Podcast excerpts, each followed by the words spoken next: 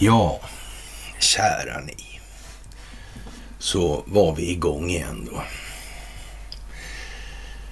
I eh, världens, genom tiderna, största folkbildningsprojekt. Konstigt det där, hur det kan bli alltså. Ja, det är lättare att andas nu tycker jag. Här. Ja, det har blivit mer syre i luften på något vis. Det är det väl. Ja. Det här folkbildningsprojektet bygger på en amerikansk stingoperation. Vi har tagit upp det vid ett tillfälle tidigare, minst. Så. Ja, det händer grejer.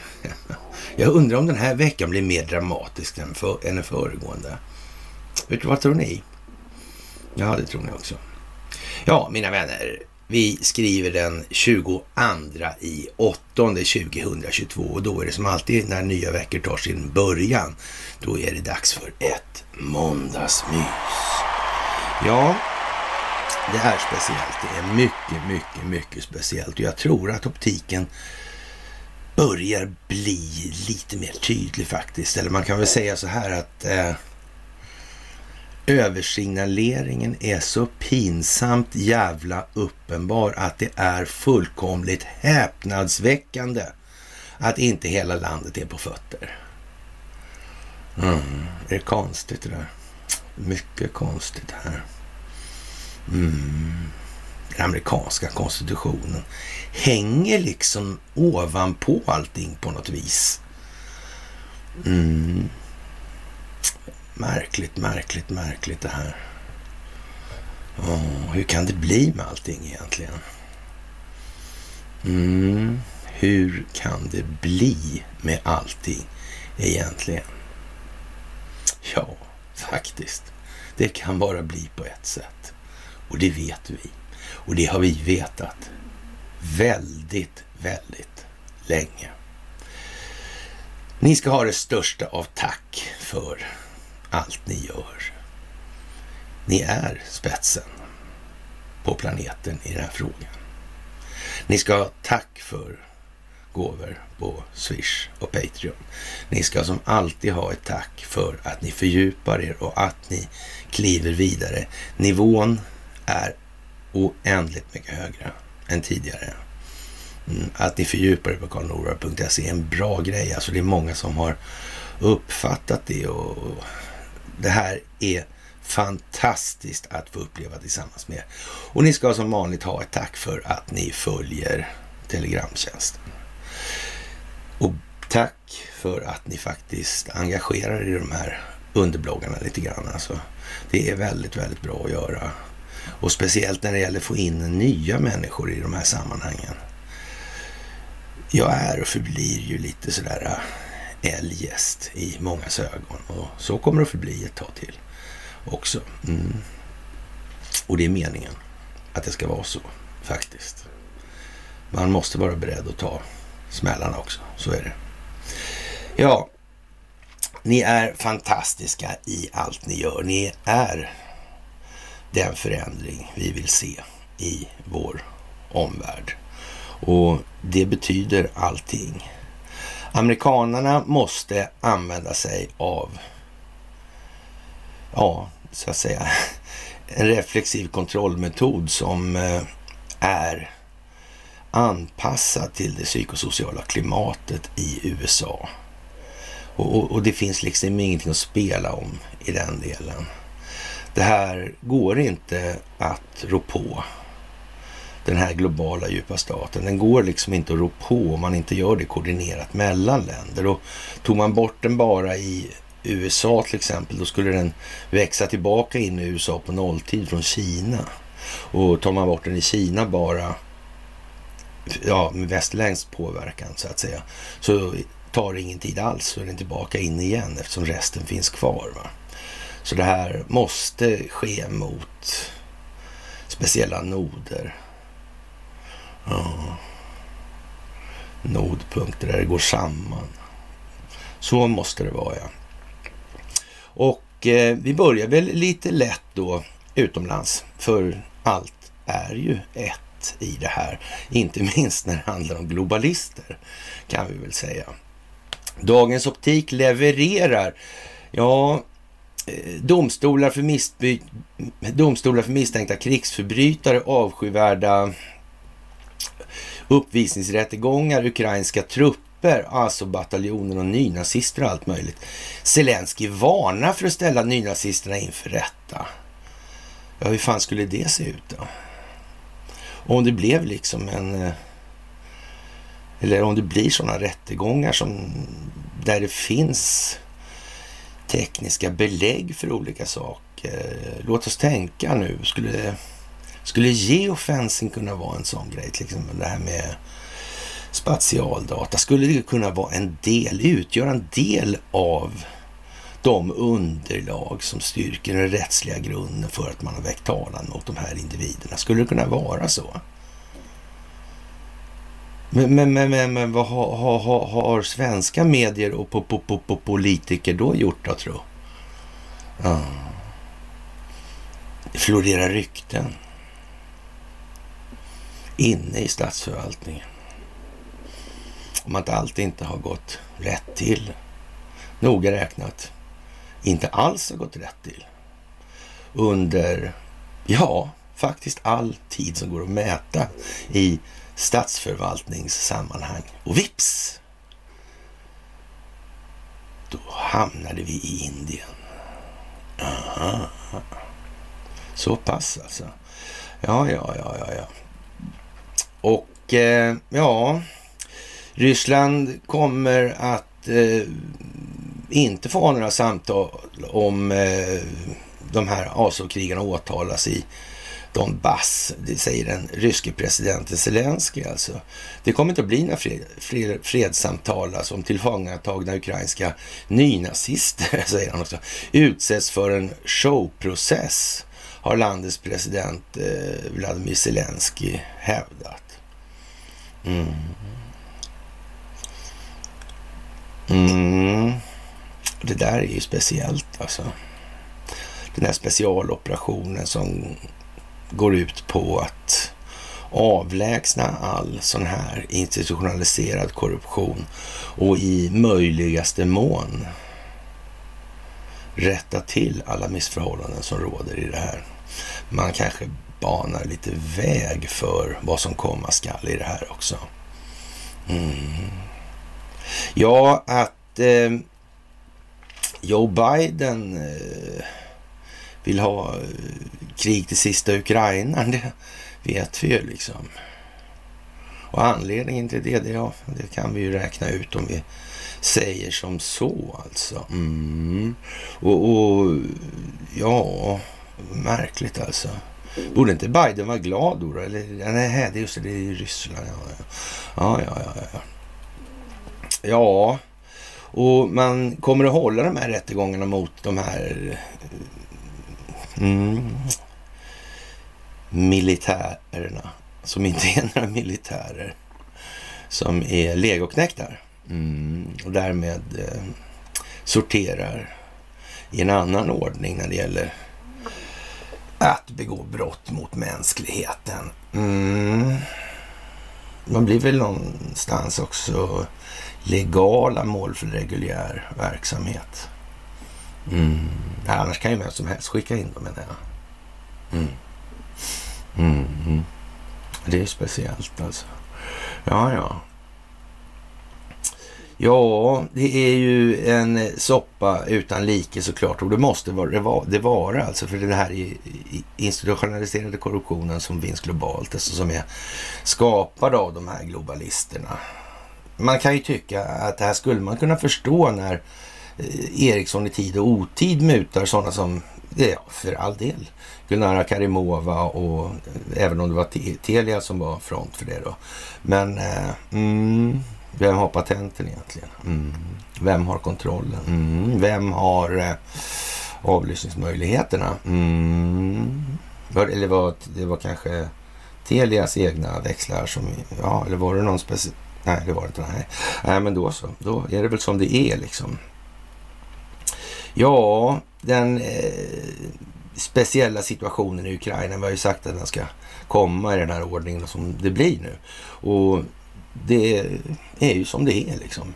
Det varken är eller blir på något annat sätt. Någonsin för övrigt. Ja, i eh, lite mera söderut kan man säga. Så här, nigerianska flottan har gripit ett norskt fartyg som stal råolja från Nigeria. Detta meddelar kontramiral Saidu Garba, skriver den lokala upplagan av Premium Times. Och, och man måste nästan ställa sig eh, frågan, eh, vad gör de här infödda egentligen alltså ens? Så där får de väl för fan inte göra? Va? Det är ju helt otroligt alltså. Det, eh, de inkräktar på grunderna för demokratins existens helt enkelt. ja, så kan man ju säga. Det, det, är någonstans lite så här... Det blir nästan lite intellektuell lyteskomik av det här nu alltså. Och, och, jag tror inte att den svenska befolkningen ska så att säga ja, så att säga, framhäva sin stolthet över situationen. Om vi uttrycker oss lite hovsamt kanske det. Ja, och, och, man vägrade också att följa krav från nigerianska säkerhetsstyrkor på det här norska ja, eh, ja, fartyget. Och man ringde till och med till Piracy Reporting Center som naturligtvis är som att ringa hem till morsan. Liksom. Nej, men det ska vi inte säga. Hon är nog bättre än så faktiskt. Men eh, ja, men man, man, skulle kunna misstänka att det därmed namnges då att den här Piracy Reporting Center är någon form av institution som kanske inte alltid har eh, helt deviationsfria kompasser, ens moraliska kompasser. Ja, ja det är lite komiskt alltså. Får man nog fan säga i det här läget alltså. Ja. Eh, en fräck handling av olydnad och myndigheterna av kaptenen eh, på fartyget tvingar den nigerianska flottan att uppmana till samarbete med grannlandet Ekvatorialguinea. Ja, Eh, det guineanska landstingsfartyget Captain David skickades för att avlyssna och arrestera då folket på den här båten och så, så, ta den i beslag. Alltså, fartyget ligger för närvarande vid Luba ankarplats i Bioko Islands då, Ekvatorial, Ekvatorial Guinea, där landet genomför sin egen utredning medan vi väntar på diplomatiska förfaranden för överföringen av den nigerianska flottan. Är inte det lite lattjo det här alltså? Det var ju det där med Norge. Mm. Hur var det där ända bak? Jag vet inte om vi kommer så långt bak i den här tidslinjen nu idag. Som, det är bara några dagar sedan alltså. Men, men, men, så jag tar upp det lite nu i alla fall då. Det här med, hur var det nu då egentligen med den här uh, ja, norska inblandning i olika saker. Var, verkar det vara liksom precis som att det här uh, Norsk Hydro där. Att det, det hade massa konstiga... Det var den här... Uh, Birkelanda va. Mm kärnvapen och ja, kärnkraft och så. Det sitter ju ihop med det här övriga och det sitter ihop med Estland i det här. Vi ska försöka hinna ner lite i alla fall idag. Men vi får väl börja lite med det här med eh, val då. Hur fungerar det där egentligen med, med röstlängderna och de här sakerna? Det, det är ju konstigt. Rösträkningen är ju helt central, då, då, annars blir det ju liksom ingenting. Så men, men ja, för att kunna visa det här då, då, så måste man ju så att säga fördjupa. Man kan inte sitta på ett kort där alltså. Och de här måste vara isolerade från varandra. Varje sån här fuskföreteelse då, som vi sa från början i det amerikanska valet då. Så, så de har naturligtvis fuskat på precis så många sätt det bara går. Man. Så är det ju. Och det här har växt fram hela tiden. Här kan man snacka om att fisken ruttnar från huvudet. Verkligen, alltså verkligen, verkligen, verkligen. Och tänk på alla svenska politiker, vad mycket de pratar om det här. Mm. de kanske inte vet, de kanske tror att de... Ja. ja. Fast de är ändå liksom, det verkar ju, i alla fall toppskiktet har någon form av känsla för hur man ska uttrycka sig för att ändå inte ljuga med det man säger. Nej, för det verkar de dra sig för. Mm. Ja, och det här med röstboskap alltså. Ja, det påverkar naturligtvis om man importerar en massa människor som snabbt ges rätten att rösta och som är beroende av vissa förutsättningar. Mm. Det är lite hållhaksvariant på det också, va? skulle man kunna säga. Det skulle man faktiskt kunna säga, just det. Mm, precis som politikerna, det håller hållhakar på dem också i väldigt, väldigt stor utsträckning. Mm. Och det här med att sälja sig. Ja, det verkar ju inte så svårt. Ja, det är nästan som de budar med varann. De här som låter sig köpas, alltså politikerna. Ja. Det blir lägstbjudande. Någon kommer att säga hundratusen spänn liksom. Ja, jag vill ha gjort precis vad jag vill för dem. Vem tar det liksom? Nu är politikerna nere på 7000 spänn eller något. ge det till mig, ge det till mig, ge det till mig. Mm. Det, vet, det finns på något vis en överefterfråga på eh, ja, människor som vill ge mutor. Ja, konstigt det där. Men hur skulle det bli annars? I Axels hemland. Mm. Så är det. Konstigt det där med axlarna. De stelnar på människor med åldern. Mm. Mm. Det finns bra människor som heter Axel också. Så är det ju. Mm, eller ja, det funnits säkert också, så det är inte mer med det. Ja, ja, därmed inte Oxenstierna i alla fall sådär. Och eh, hur fungerar det där med röstlängd och röstboskap? Ja, det kan man ju säga. Det kanske fungerar för den som kontrollerar räkningen då och de som klassas som boskap, det vill säga alla andra då. Ja, då eh, fungerar det inte alls. Och det kan vara lite surt kanske att upptäcka nu ens. Ja, ja, ja, ja, ja, ja. Och eh, det här är ju liksom Ja, det här med vaxet ja. Och eh, ja, det här med militären är speciellt. I USA är det speciellt alltså. Det är...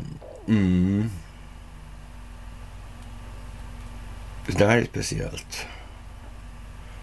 Och allt vad det här nu är med vaxet, det är ju sånt som med all säkerhet kommer att bli föremål för rättslig prövning. I så mått så att ge sig ut på massa vildsinta spekulationer hit eller dit, det är, ja, så att säga, det är ju vad det är liksom. Det, det gick ju så långt så att det blir så att det kommer att bli rättsliga prövningar i den delen. Och sen hur mycket ytterligare som finns inbyggt i den parametern av den totala utvecklingen, det återstår väl att se alltså. Det kan inte vi veta. Så och ja, det blir ju i alla fall vad det blir, så det går varken snabbare eller långsammare för den sakens skull. Och det börjar bli helt sjukt med den här översignaleringen. Det är bara så. Alltså det allmänna medvetna medvetandet i det här landet, det, ärligt talat, det är ytterst tveksamt om den här befolkningens medvetna medvetande är moget för eh, något som helst ansvar värt namnet. Ska alla ens få rösta? Efter att ha gått på det här så länge utan att säga ifrån. Ska man anses som tillräknelig då? Eller? När har man så att säga förbrukat sin rätt och måste börja om? Ja, hur är det här egentligen? Hur ska vi se på det där? Det måste man tänka på. Och, och tro någonting så jävla supersmart liksom. Som att bilda nya partier och de här grejerna. Innan vi hanterat vårt röstsystem, vårt valsystem i det här. Som lustigt nog ligger hos den inte alls överhuvudtaget någonsin politiserade svenska skattemyndigheten. Men kom igen nu! Det är väl ändå inte sådär som man det känns ju som att någon har ju tänkt till här alltså. Är det optik eller är det inte optik? Ja, jag vet inte. Men SEB köper över då finanspolisen Niklas Lund alltså. Och ja, Han ska bygga upp en ny underrättelseavdelning inom SEB alltså. Och jag har begränsat min tillgång till polisens system, säger Niklas Lund och har inga fingrar Eh, på en hand bakom ryggen som är korsade då. då. Det har han inte. Nej. Och, och försäkrar att den inte kommer läcka uppgifter till eh, konkurrenterna. Men vänta här nu. Finanspolisen. Eh, vad har han tagit för några stora gangsters då? Mm. Alltså den finanspolisen kan inte med någon större möjlighet i alla fall vara någonting annat än antingen rätt så imbecill då eller så är han faktiskt rätt så korrumperad. Det handlar väl inte om så mycket annat? Nej, jag tror inte det va. Det tror jag inte. Mm.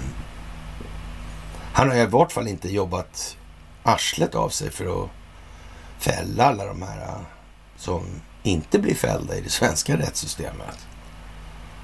Nej. Eller har han jobbat i motvind och hamnat där och då är ingen som har kom, han kom in där utan att vara kontrollerad. Och nu hamnar han på SCB. Så vi inte har några kopplingar till några globalister alls. Jaha. Ja, men så kan det ju bli också. Och det kan också vara så att det inte kan bli så i en värld som är något lite, lite, lite bättre än den här världen. Mm. Vi har nog hamnat där vi har hamnat av en anledning känns det som. Ja, ja. Och det är inte den anledningen inte att den svenska befolkningen har jobbat av sig sitt arsle i att hålla sig upplysta, medvetet medvetna i det här. Det är det inte. Nej. Ha, och ett litet exportberoende land som plötsligt blir paria på den globala marknaden. Det måste bli någon form av fallande efterfrågan på det landets valuta. Det måste det väl bli då? Ja. Mm. Det måste det bli då, ja. Mm. Ja, oljepriset är ju högt för all del alltså. Eller hur är det här egentligen? Om oljepriset sjunker och, och ja, man har skylt på... Men det kan ju vara så också då liksom att dollarn faktiskt går upp. Mm, även om det måste in, det blir inflation på överallt, alltså även i USA. Så det är sådär alltså. Men ja, ja, ja, ja. de har ju dollarn hemma liksom. Så. Men och, drivmedel blir ändå i alla fall dyrare då. Det är ju konstigt. Mm. Men vissa effekter skulle man nog kunna säga att det blir, dollarn blir dyrare här så att säga. Då blir inköpet av råoljeprodukten så att säga dyrare också då kanske. Mm, I och med att man måste handla det där i dollar. Ja, men det beror inte så mycket på inflation alltså. Nej, det gör ju inte det. Nej, just det, det gör ju inte det alltså. Mm man ska kanske inte lagt alla äggen i samma korg på det här viset genom, under alla tider. Någon kanske borde så att säga ha tänkt lite grann på att vad fan om det skiter sig för Investor då. Vi har ju inte bevakning på dem 24-7 liksom. Hur fan ska vi veta liksom? Att de inte håller på med världens jävla skojarbransch. Och ärligt talat säger någon så här. Min farfar eller min pappa.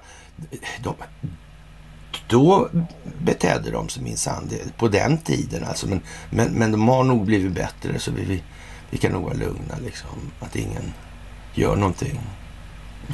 De blir åtalade lite här och där i och för sig då sådär. Och, och, och nu har till och med den amerikanska ja, skattemyndigheten och, och det där äh, ja, ja jag vet inte, FOC där, Foreign Exchange Committee där alltså. Ja. Och justitiedepartementet har lagt sig i också, det amerikanska. Ja, konstigt. Men det hade säkert med dumtrum på att göra eller sådär tror jag. Ja, det kan man ju säga att det hade det nog faktiskt, fast inte på det sättet. Alltså. Nej. Ja, ja. Det blir lite fel här nu på hela taget alltså. Det får man nog säga. Och ja, man får ta till alla medel nu för att väcka människor ur sin koma i komfortzonen. Alltså, blir, alltså, blir dy dollarn dyrare eller är det kronan som blir billigare rent? Då kan det vara så. kanske en stor del av den svenska exporten sköts av de här globalisterna. Det, det är ju ett samband man skulle kunna ana alltså. Litet exportberoende land, okej okay, fine, då är vi med på det. Ja, vänta nu här. Eh, globalister, det verkar, någonting, det verkar beröra flera platser på jorden än den svenska platsen. Då. Mm. Men så verkar det väl då. Om man bara lyssnar på orden sådär. Behöver inte tänka så mycket utan bara lyssna på orden. Ja, ja, ja, ja, ja. Mm. Det är lite lustigt, är det inte det? Mm. Jaha, priset på 95-oktanig bensin höjs med 20 öre till 2008 per liter då, medan dieselpriset höjs med 30 öre till 25,21 då per liter. Och det visar prislistor på Preems, OKQ8 och Circle K's hemsidor. Mm. Det där är lite speciellt alltså. Och förutom av, av skatter och krav på inblandning av biodrivmedel påverkas priserna på, totala, på, eller på fossila bränslen, bland annat av råoljepriset, valutaeffekter samt kostnaden för lager och transport. Och det är inte osant alltså. Men vad beror de i sin tur på då? Det räcker ju inte att lära sig det där utan till. Det ger ju ingen förståelse alls. Man måste ju förstå vad det är för någonting man lär sig. Varför påverkar då till exempel råoljepriset? Varför påverkar valutaeffekter och, och vad är det här lager och transport för någonting? Mm. Märkligt. Det är som det vore en riggad teater alltihopa. För att människor ska vakna. Det skulle kunna vara ett folkbildningsprojekt rent utav alltså. Baserat på en stingoperation. Och att de här insatserna sker globalt, koordinerat av det gemensamma intresset att motverka den djupa staten. Skulle det kunna vara på så vis? Ja, man vet ju inte egentligen alltså. Mm. Måndagens prishöjning kommer samtidigt som råoljepriset på världsmarknaden backar, skriver man här alltså. Och medan dollarn klättrar några ören uppåt mot den svenska kronan. Vänta här nu. Då går väl den här faktorn då eh, liksom, eh, ja vad ska man säga, råoljepriset går väl bort då liksom. Då är det någon form av valutaeffekt det här alltså. Och då är det ju valutamarknaden, det är helt säkert. Det handlar ju om den alltså. Det är där handel med valutor sker på valutamarknaden. Det är också en grej som är konstig därför det verkar väldigt, väldigt svårt för väldigt, väldigt många att förstå liksom. Och det är ändå den största marknaden på jorden. Så man, och det påverkar människor otroligt. Man skulle kunna misstänka att några egentligen borde ha intresse av det och förstå lite grann av den delen. Men jag vet inte vad det beror på. Det är kanske sport på tv. Mm. Bröd och skådespel menar du? Nej. Nej. Nej, nej. Ja, men, eh, ja, som sagt, det, det, är ju krångligt det där att begripa sådana där saker helt enkelt. Och, och, ja, som sagt, för att folk ska komma ur den här koman i komfortzonen alltså, så måste det nog till lite grann. Det går, inte, går tydligen inte. Alltså, jag framstår ju som visserligen rätt i sak, men alltså närmast fullkomligt naiv när det gäller tilltron till den svenska befolkningens medvetna medvetande. Ja, det här med 17 spänn för dieseln. Det var sådär va Det börjar bli en stund sen nu och lite, lite, lite över också sådär kan man säga. Ja. Mm. Det var ju 50 procent liksom. Ja. ja, ja, ja, ja, ja, ja. Men, men det är ju som det är liksom. Och inget annat. Och eh, ja, det här med mm, profilerad polis som dömdes för flera tjänstefel överklagar. Mm. Jag vet inte, det svenska rättsväsendet, ingår polisen där på något vis? Skulle den djupa staten vara så eh, naiv verkligen? Att den lät bli att korrumpera poliser systematiskt? Är det någon som tror det på allvar? Visserligen tillsätter polisen, polit, politikerna, rikspolischefer och sådär. Och vi vet, det är ena delen. Den andra delen är så vi vet att fisken ruttnar från huvudet. Låt oss tänka länge nu här. Politikerna tillsätter rikspolischefen och fisken ruttnar från huvudet. Och, och kapten Klänning och GV satt grannar. Polishögskolan, eller polisskolan. Ja, ja. Mm. Hur kan det här vara egentligen? Det är helt omöjligt att räkna ut ju. Det är svårt. Ja, så okej okay då. 17 spänn alltså. Det var liksom... Jag öppnade nog käften innan där liksom. Nej, men så jag tänkte ändå. Nej. Men då får jag säga till mitt fromma i alla fall, får jag säga så här. Utvecklingspotentialen. Utvecklingspotentialen. Sverige har faktiskt den, en enorm chans att vi befinner oss åtminstone levande på samma planet. Och med tanke på tillståndet så måste man säga så här. Vi kan bli världsledande om vi bara gör lite grann alltså.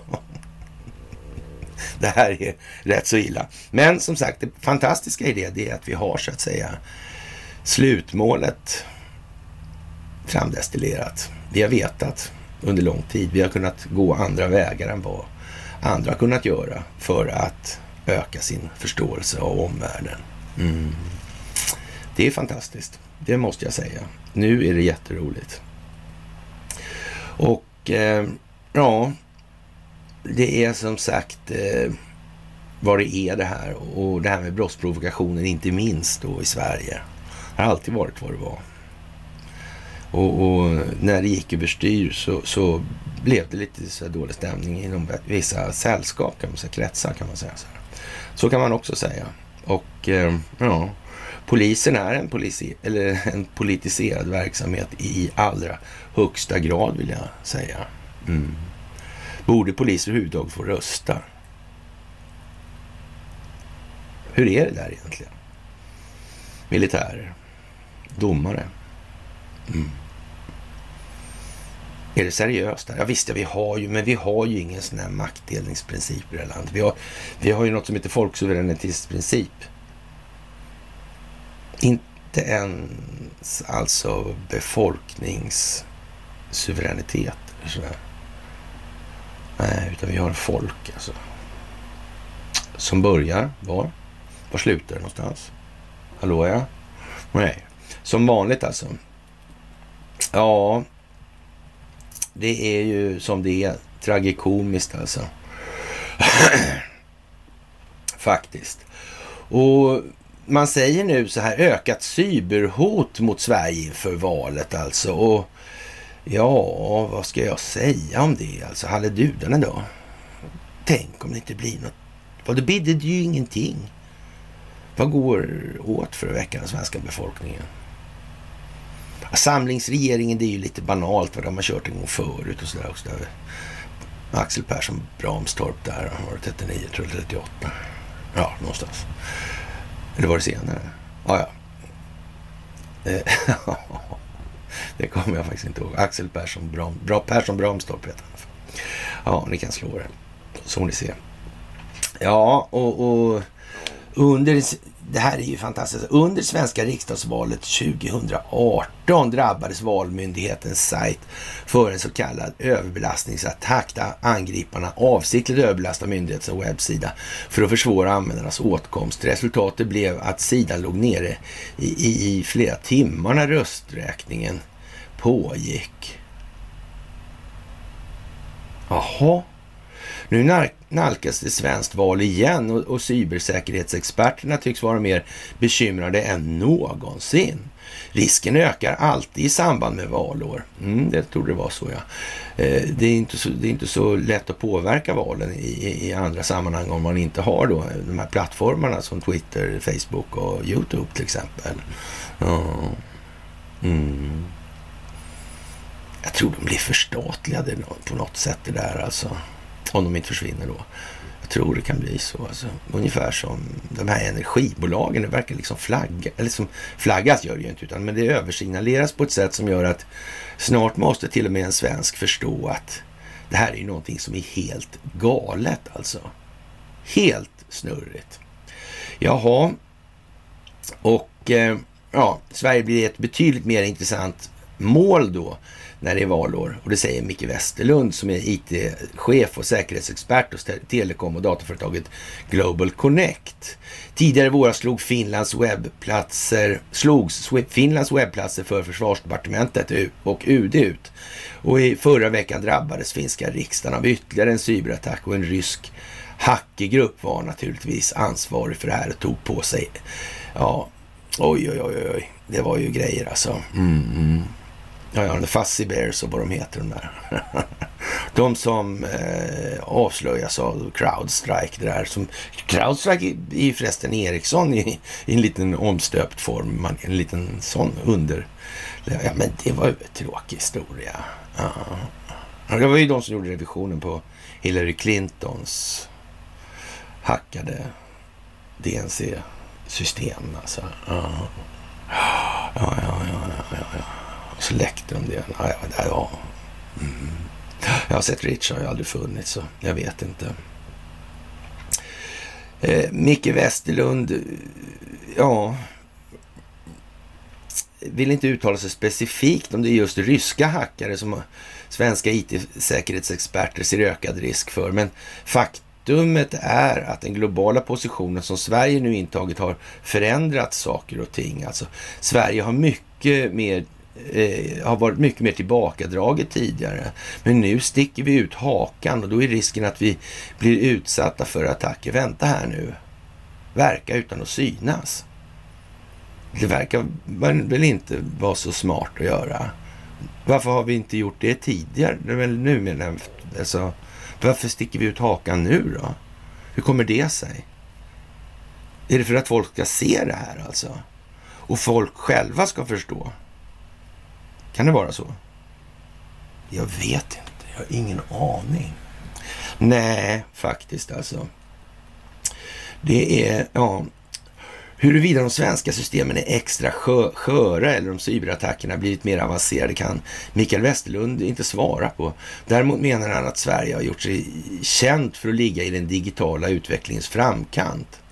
Ibland anammar man ny teknik lite för blåögt.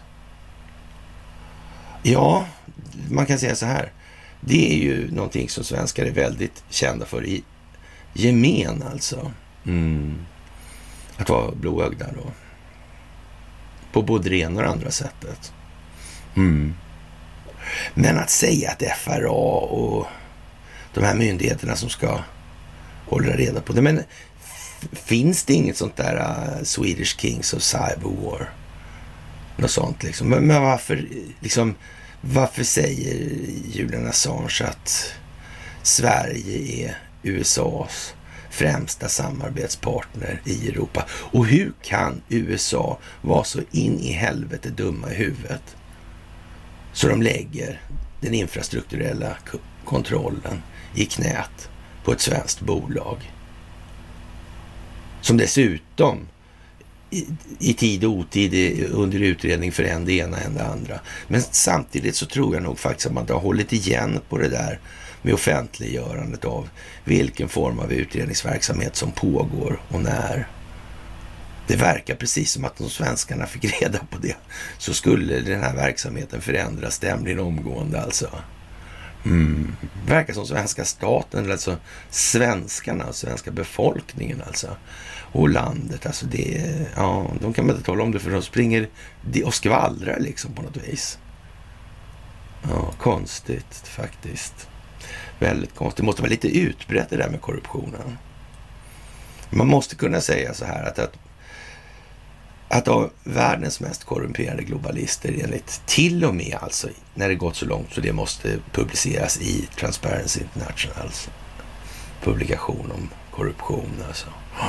Och samtidigt har man alltså en statsförvaltning som är väldigt, väldigt seriös och bra. Mm. Vars modell faktiskt infördes av Axel Oxenstierna. Och, och, och dessutom infördes den i, ja, under den tid som var, alltså stormaktstiden. På alla andra ställen där man hade makt, eller hade skaffat sig makt. Det känns som att det var lite av själva principen bakom det där. va? Mm. Och så skyllde man naturligtvis på religion och ekonomi som anledning. Mm. Ja, ja. Mm. Religion och ekonomi som är delar av makten, ja. Ja, det kan man ju tänka sig. Mm. Ja, ja. Det är ju speciellt alltså. När, eh, ja, företag lägger stor del av sin IT-kompetens på produktutveckling så blir det på bekostnad av cybersäkerheten. Alltså, I Sverige är vi modiga och innovativa när vi utvecklar ny teknik. Men innan vi implementerar nya idéer så måste vi tänka på säkerheten alltså. Ja. Och varför har vi inte gjort det då? Känns det inte som att vi om några borde kunna det här då? Det är ju konstigt. Jaha. Och för myndigheterna är det en fråga om vad effekten kan bli av till exempel en otillgänglig kommunikationskanal under valdagen. Har man sett? Ja. Även om målet med attacken 18 var, inte var att påverka rösträkningen eller ta del av hemlig data kan liknande händelser skapa stor osäkerhet och misstro för viktiga samhällsorgan. Mm. Det har han nog rätt i. Det har han nog rätt i. Vad är det han säger här egentligen? Ja, ja, ja, ja. Därför menar Mikael Westerlund att vi måste bredda kunskapen om IT-säkerhetens betydelse och vad konsekvenserna av bristfälliga system kan bli. Alltså. Jag vill inte ha en situation där människor inte har förtroende för vårt samhälles förmåga att skydda sig mot cyberattacker. Den kampen ska vi aldrig ge upp. Mm. Tänk om vi befinner oss i en enda stor cyberattack då? Ja, vi vet ju inte det här. Alltså. Ja, på tal om att förtjäna sin frihet. Så kan man ju säga faktiskt. Ja, och, och som sagt, det är som det är alltså. Fyra fartyg från den amerikanska flottan anlöpte, anlöpte de baltiska hamnarna i helgen alltså. Och det var då eh, Kearsarge och, och som sagt hon ligger i Klaipeda i Litauen. Och så tänker vi på Harry Winter. Ja, det var Bojerud och någon till va? Jag tror det ja, hoppas vi inte bara Bojerud så här. Mm. För ni inte ska kolla på något annat. Vi hamnar ändå. Mm. Och eh, ja, som sagt, det är landstigningsfartyg, alltså sådana här Arleigh Burke-klassens. Ja, Paul Ignatius. Mm. Det där är konstigt alltså. Konstigt att de tre första fartygen representerar den amerikanska flottans amfibieanfallsgrupp som har opererat i Östersjön för första gången sedan början av augusti. Landstingsfartygen anlände till de baltiska ländernas hamnar efter en två veckor lång bilateral övning tillsammans med den finska försvarsmakten nära den finska skärgården och Hangöregionen. Vänta nu här alltså. Vad fan? Vad fan? ja, att ljuset kommer ifrån öster i så fall. Det måste man ju säga. Jaha. men, men inte kan de väl vara så fräcka? Va? Vi som var så, var så snälla när de var här. ja, vad ska man säga? inte det lite lustigt så säg? Jaha. Ja, vad ska de... Ja, ja, men det blir dråpligt skulle det kunna bli i så fall. Det måste man ju säga så här. Men, ja, jag vet inte. Ja. Ja, och andra sidan, ja, det är ju som sagt, det går att göra på fler sätt det där. Ja, vi, vi, vi, tar, vi kommer på besök igen, alltså, om ni undrar varför vi är på väg mot er. Vi ska bara hälsa på. Mm. Så kanske. Man kan tänka sig ett scenario hur det går, hur det blir, det är väl kanske lite sådär. Ja, det finns ju liksom rätt så stora... Eh, och en rätt stor handlingsfrihet alltså. I manövern just där alltså. De ska inte springa i land i Baltikum där alltså. Det ska, och, och, och sen anfalla Ryssland. Det kan vi utesluta alltså. Däremot så kan man ju höja tonen mot Ryssland i och med de här närvaron av de här då. då. Mm. Men det är inte dags för något invasionsföretag. Det är alldeles, alldeles säkert alltså. Eh, trots att man övar flygning, ja, bombflygning mot mål i Sverige då. ja, inte fan alltså. Vad det här håller på att ta vägen har jag fan ingen aning om. Det kan man säga sådär. Mm. Jaha, och eh, då kan man ju tycka så här då. Nu jävlar, i alla fall, nu kommer ni alla, ah, ni hajar ju det här, men alltså nu kommer det gå lättare att få alla andra att förstå det här. Alltså, okay. Geopolitisk exorcism alltså, det kan ju fan inte möjligtvis alltså, vara någonting annat än antiglobalistisk verksamhet. Eh, eller? Geopolitisk exorcism, det måste väl ändå eh, liksom vara mot den djupa staten verkande rakt av. Men ni kommer ihåg den här donnan som blev dödad då? Dugina. Hennes farsa hette Dugin. Och han är då en liksom någon form av, ja vad ska vi kalla för, ledande tänkare i Kreml alltså. Och det är, är ju liksom som det är. Men, och hur det är med den här eh, Donnans salig hädangång Eh, tillåter jag mig att vara lite, ja, men, men torr i liksom attityden då. Vi säger så. så. Ja, försiktigt. Eh, eh, det är försiktigt trovärdigt det där. Det kan jag säga att jag tycker. Ja.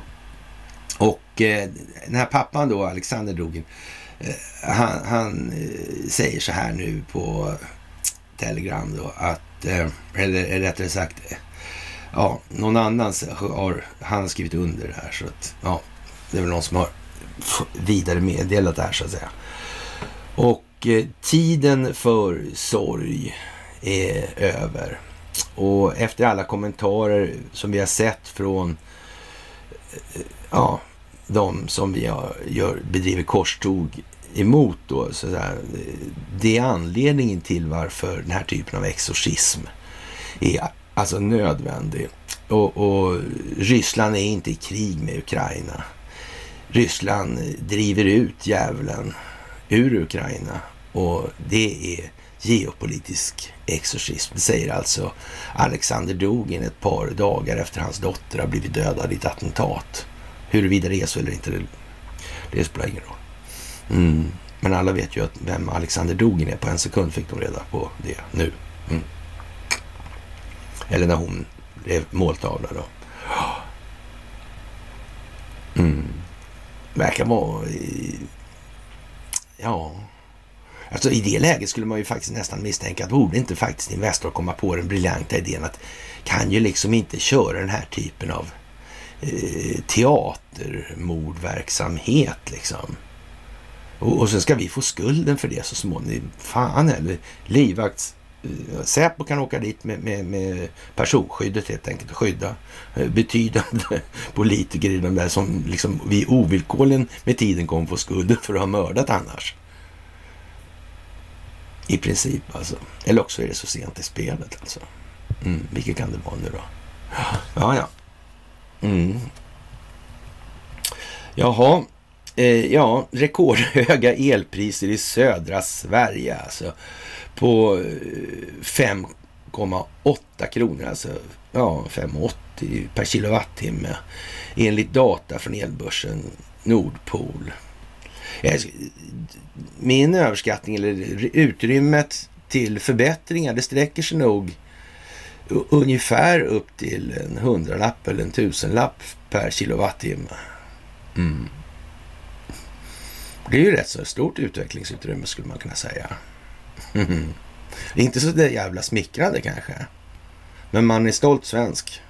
Frågan är väl närmast om Sven Duva var en stolt svensk också. Kanske var det Runeberg menade med det här. Mm. Ja, hål i huvudet var det som sagt ja. Mm. Ja, det är som det är. Och eh, ja, det är viktigt det här nu alltså. Folkbildningen är allt, allt, allt alltså. Och man kan ju uppleva det som tragiskt då med den här nivån som behövs för att den reflexiva kontrollen eh, ja, ska uppfyllas i folkbildningssyfte då så att säga. Och, och 2021 så dog det till exempel då eh, tre personer med covid-19 vecka 29 och 22 nu då samma vecka. Är dödssiffran i Sverige eh, 109 personer skriver Göteborgs-Posten och, och, och, redan där liksom. Är inte det där slut liksom? Har inte alla fattat det här snart alltså? Och eh, expert talar man då statsepidemiologen Anders Lindblom han säger så här, det är lite svårt att säga analysen av det här, men, men, men då måste vi nog vänta några veckor. Eh, dels visar statistiken eh, det som dör med covid, så det kan vara andra orsaker också. Eh, dels hade det varit en värmebölja som också kan påverka. Det kan vi inte säga säkert än, utan det behöver vi analysera mer noggrant. Ja. Mm. Trots ökad smittspridning och högre dödstal ser Folkhälsomyndigheten inget behov av restriktioner i nuläget. Nej. Nähä. Men förra gången var det nödvändigt som bara fan. Mm -hmm. Men covidiotin var inget verktyg i det här folkbildningsprojektet. Mm. Jag ger mig fan på att Guldbron kommer in i bilden snart igen alltså. Mm. Kearsarge kanske kan förtöja med näbben mot den där den här gången då. det är nära till, ja, Katarinaberget som sagt. Katarinaberget, ja. Mm. Ja, ja. Det är logi det. ja, drivmedelsbolagen eh, prismedelshöjningar, eller pris, drivmedelsprishöjningen heter det, och eh, upprör näringsministern. Det är för jävligt, säger Karl Petter Thorvaldsson. Och, och, som tagit del av rapporten från Konjunkturinstitutet som enligt DN visar att drivmedelsbolagen medvetet höjde priserna på bensin och diesel inför regeringens skattesänkning den första maj. Eh, ja, så prishöjning, alltså det betyder inte inflation alltså. Är det det Karl Petter säger här nu? Är det det han måste visa? Jag kan ju säga att jag, jag har inga fler pedagogiska vinklar på de där frågorna just alltså. Så jag är tacksam för den här hjälpen ni får av Karl Petter. Så kan jag ju säga också. Däremot är jag inte riktigt lika sä säker på att den tacksamhet eh, Karl Petter känner är sådär överdrivet stor till varför han är tvungen att stå och säga det han nu säger. För det kanske han inte borde ha kommit på i, idag eller igår det här. Nej, det kanske han inte borde. Han var ju fackföreningsledare för fan. Han var bra liksom. Ja, det där är ju... Mm. Ja, ja, som sagt. Hur är det med de där? Är det billigare att, att hoka upp en sån där? Än att höja lönen för hela lönekollektivet? Vilket är det nu igen? Ibland så undrar jag så här faktiskt allvarligt. Om, Eh, jag är rätt så noga med ordvalen på så vis. Alltså att det, nästan alla orden finns i flera sammanhang där de borde liksom kunna... Det där, det där. Så, så. Och det ser man också på spridningen av det vi håller på med det här. Och, men jag, jag kan ju tycka då liksom att den, den fackföreningarna till exempel. Sen blir man minister liksom. Och man vet, man har köpt lirare liksom. Det är själva grund... Det är kvintessensen för att bli fackföreningsledare ju. Mm. Och, och, när man, om man har det som utgångsläge här nu, då, då blir det ju liksom lite snett då så här. Om man bara liksom byter, man, man säger så här, men nu får du en ny Sjökvist-keps här förstår du. Så då, då är problemet det att ja, han kan väl köpa att han får det, men han kan inte rimligtvis själv tro att det kan aldrig gå i land det här. Jag vet ju vad jag har gjort liksom. Och då kan man ju tänka sig, vad är det för typ av människor som ändå ställer upp på det där? Man vill helt enkelt inte veta mer än man absolut måste om Karl Petters ja, själsliga privata uppenbarelse helt enkelt. Den känns det som man gärna kan passa på alltså. Det, det känns inte som att det är liksom något sånt där... Äh, ja. Och, och, när han drar till då, idag måndag kommer han att kontakta branschorganisationen, för han är så sur då. då.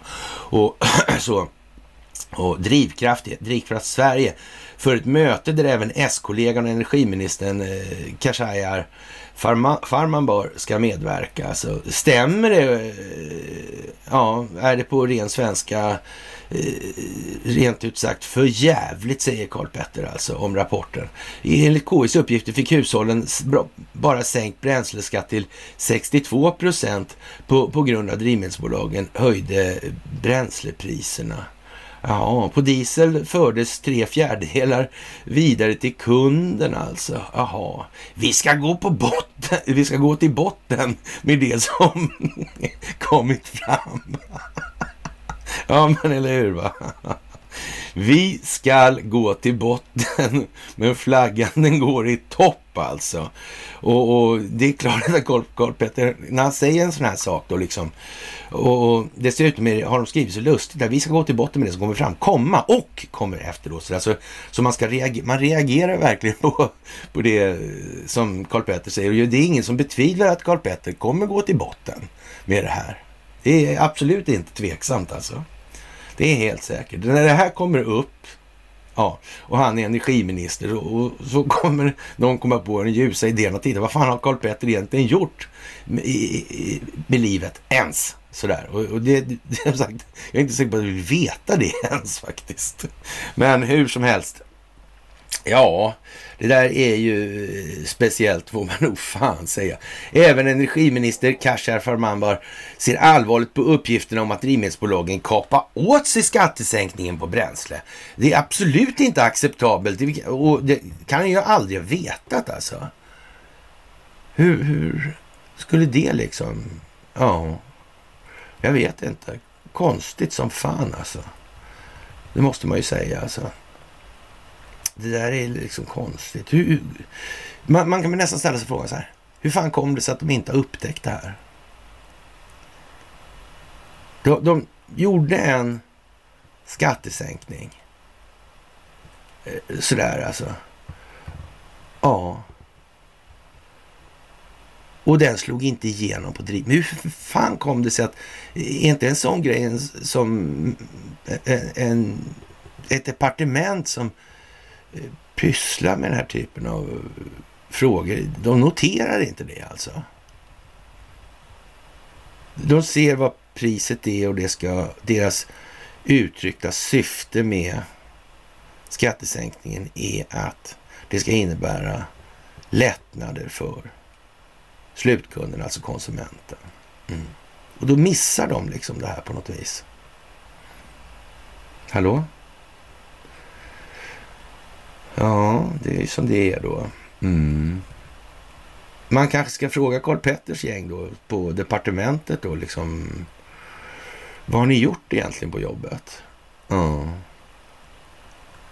Det är konstigt alltså. Drivkraft Sverige tillbakavisar uppgifterna och anser att KIs slutsats i rapporten är fel. Till TT säger vdn Jessica Alenius att viktiga mekanismer inte tagits med som valutakurser och inblandning i, av biodrivmedel i bensin och diesel. Och då kommer vi tillbaka där vi var nyss. Fan vad konstigt.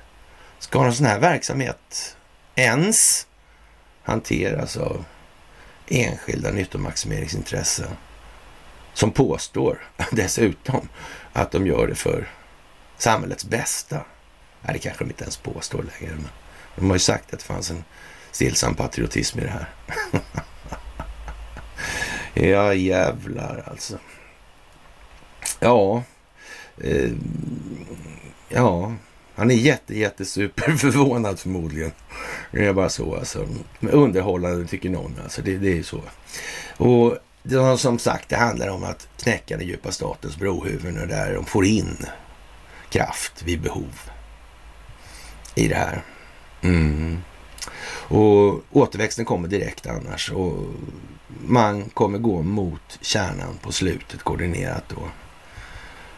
Det kommer man göra. Mm. Ljuset kommer från öster. Ja, oavsett i vilken form nu så kommer det komma från öster. Det ser ju faktiskt eh, mm, som sagt, det är mycket på gång. Och det är många som förstår lite och knappt det. Vi har en uppgift. Det är inte att vila på hanen i det här läget. Ja, ja.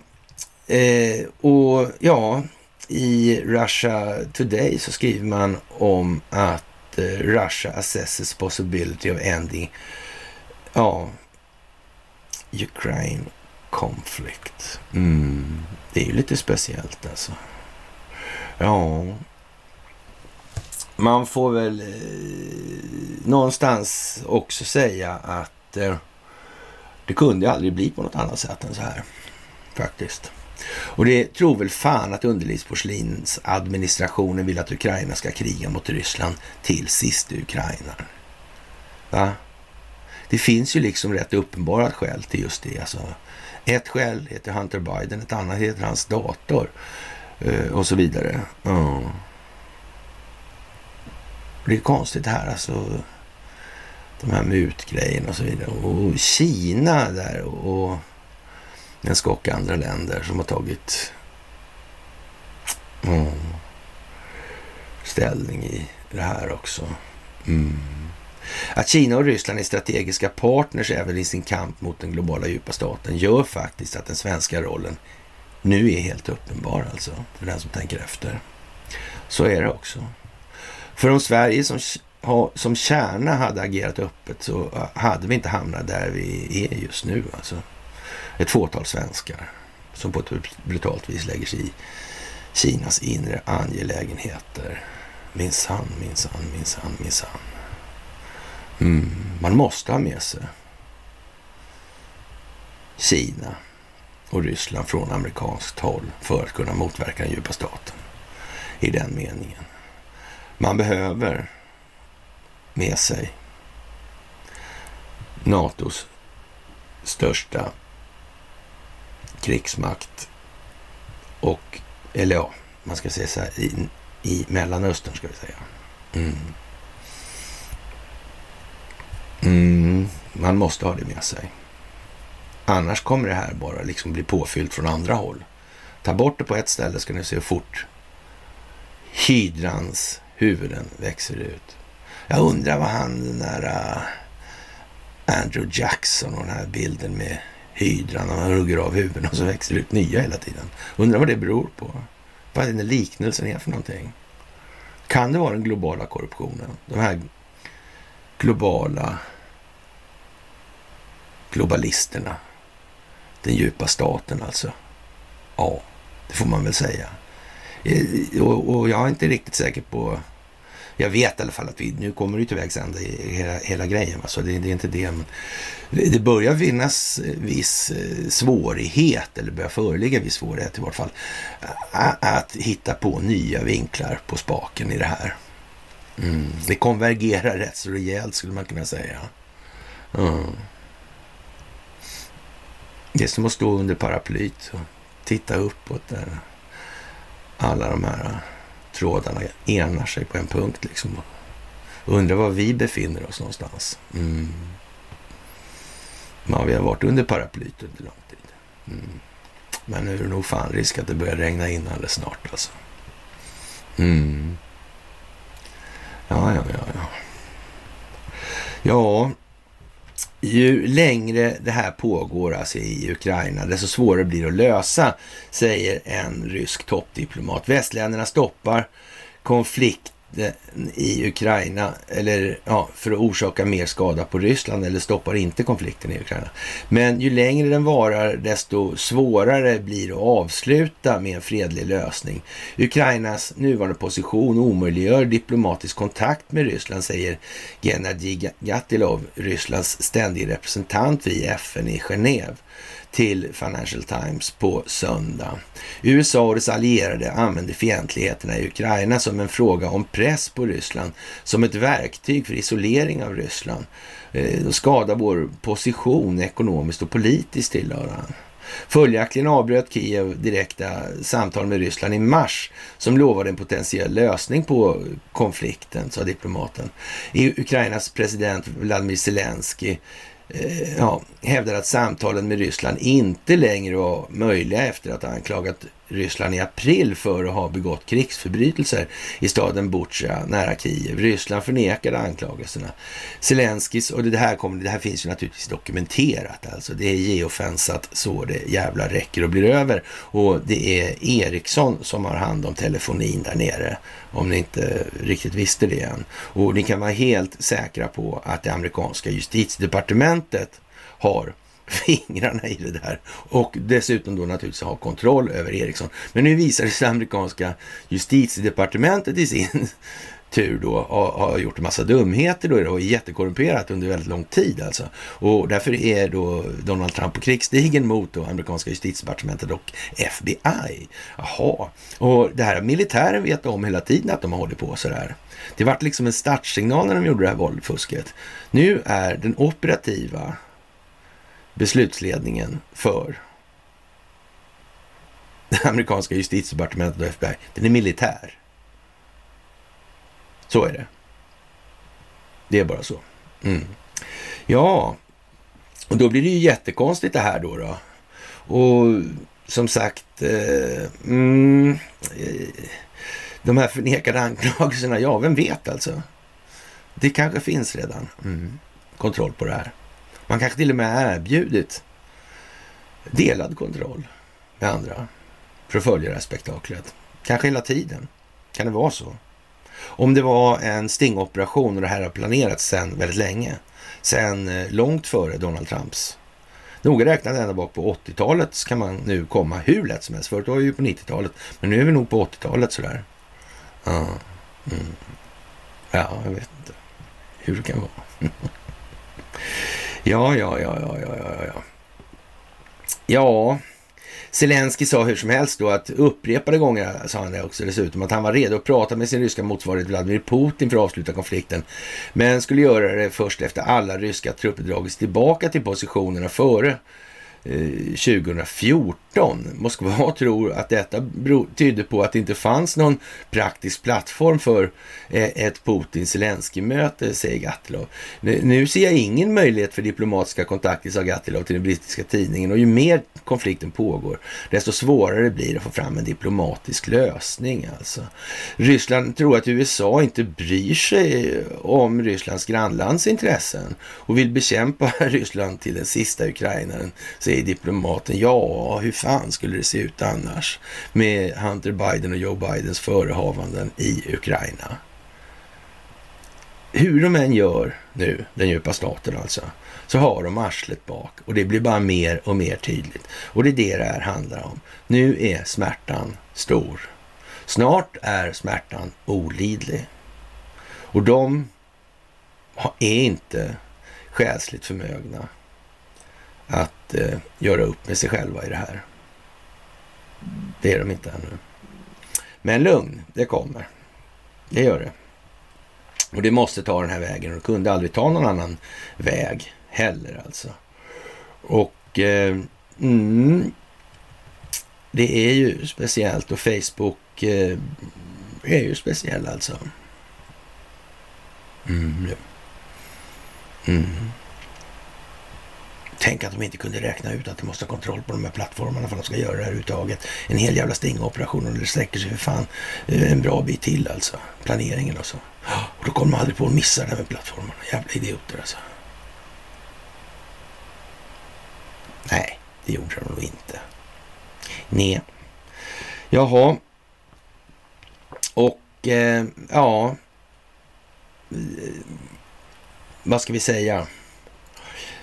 Ron DeSantis där, eh, ja, vi förbjöd masker i Florida, eh, ja, och vi kommer att fortsätta att göra det. Och hur var det här med maskerna? Fungerade de överhuvudtaget? Var det någonting att hänga julgran i, så att säga, skyddssammanhang? Och det ljög de om. Och, och, nu börjar det bli uppenbart att de ljuger om precis allting. va? Och, och ja, men så illa kan det ju inte vara. Nej, det kan det ju inte vara. Nej, Det kan det ju inte vara, utan det är bara lagom illa då, så, så mycket så att man inte själv tycker att det är illa. Mm. Mer illa än så skulle aldrig någon bete sig överhuvudtaget. Nej, så. Ja, det kunde alltså aldrig bli på något annat vis än att Kina måste ställas mot USA i det här alltså. Mm. Och, och den militära scenen måste så att säga sättas i relation till där de stora militära krafterna finns alltså. Mm. Så.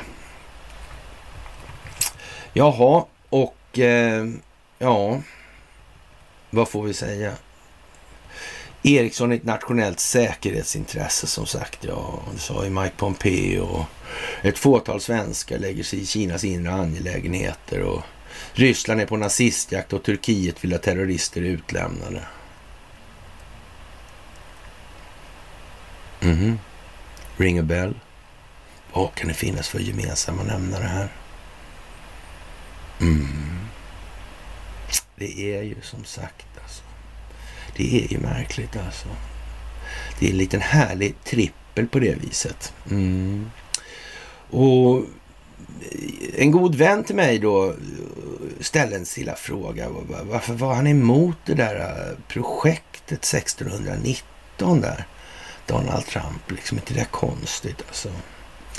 Och ja, sa jag så här, men nu får man ju tänka tillbaka här och, och, och så. Vad är det för konstigt liksom? Sådär och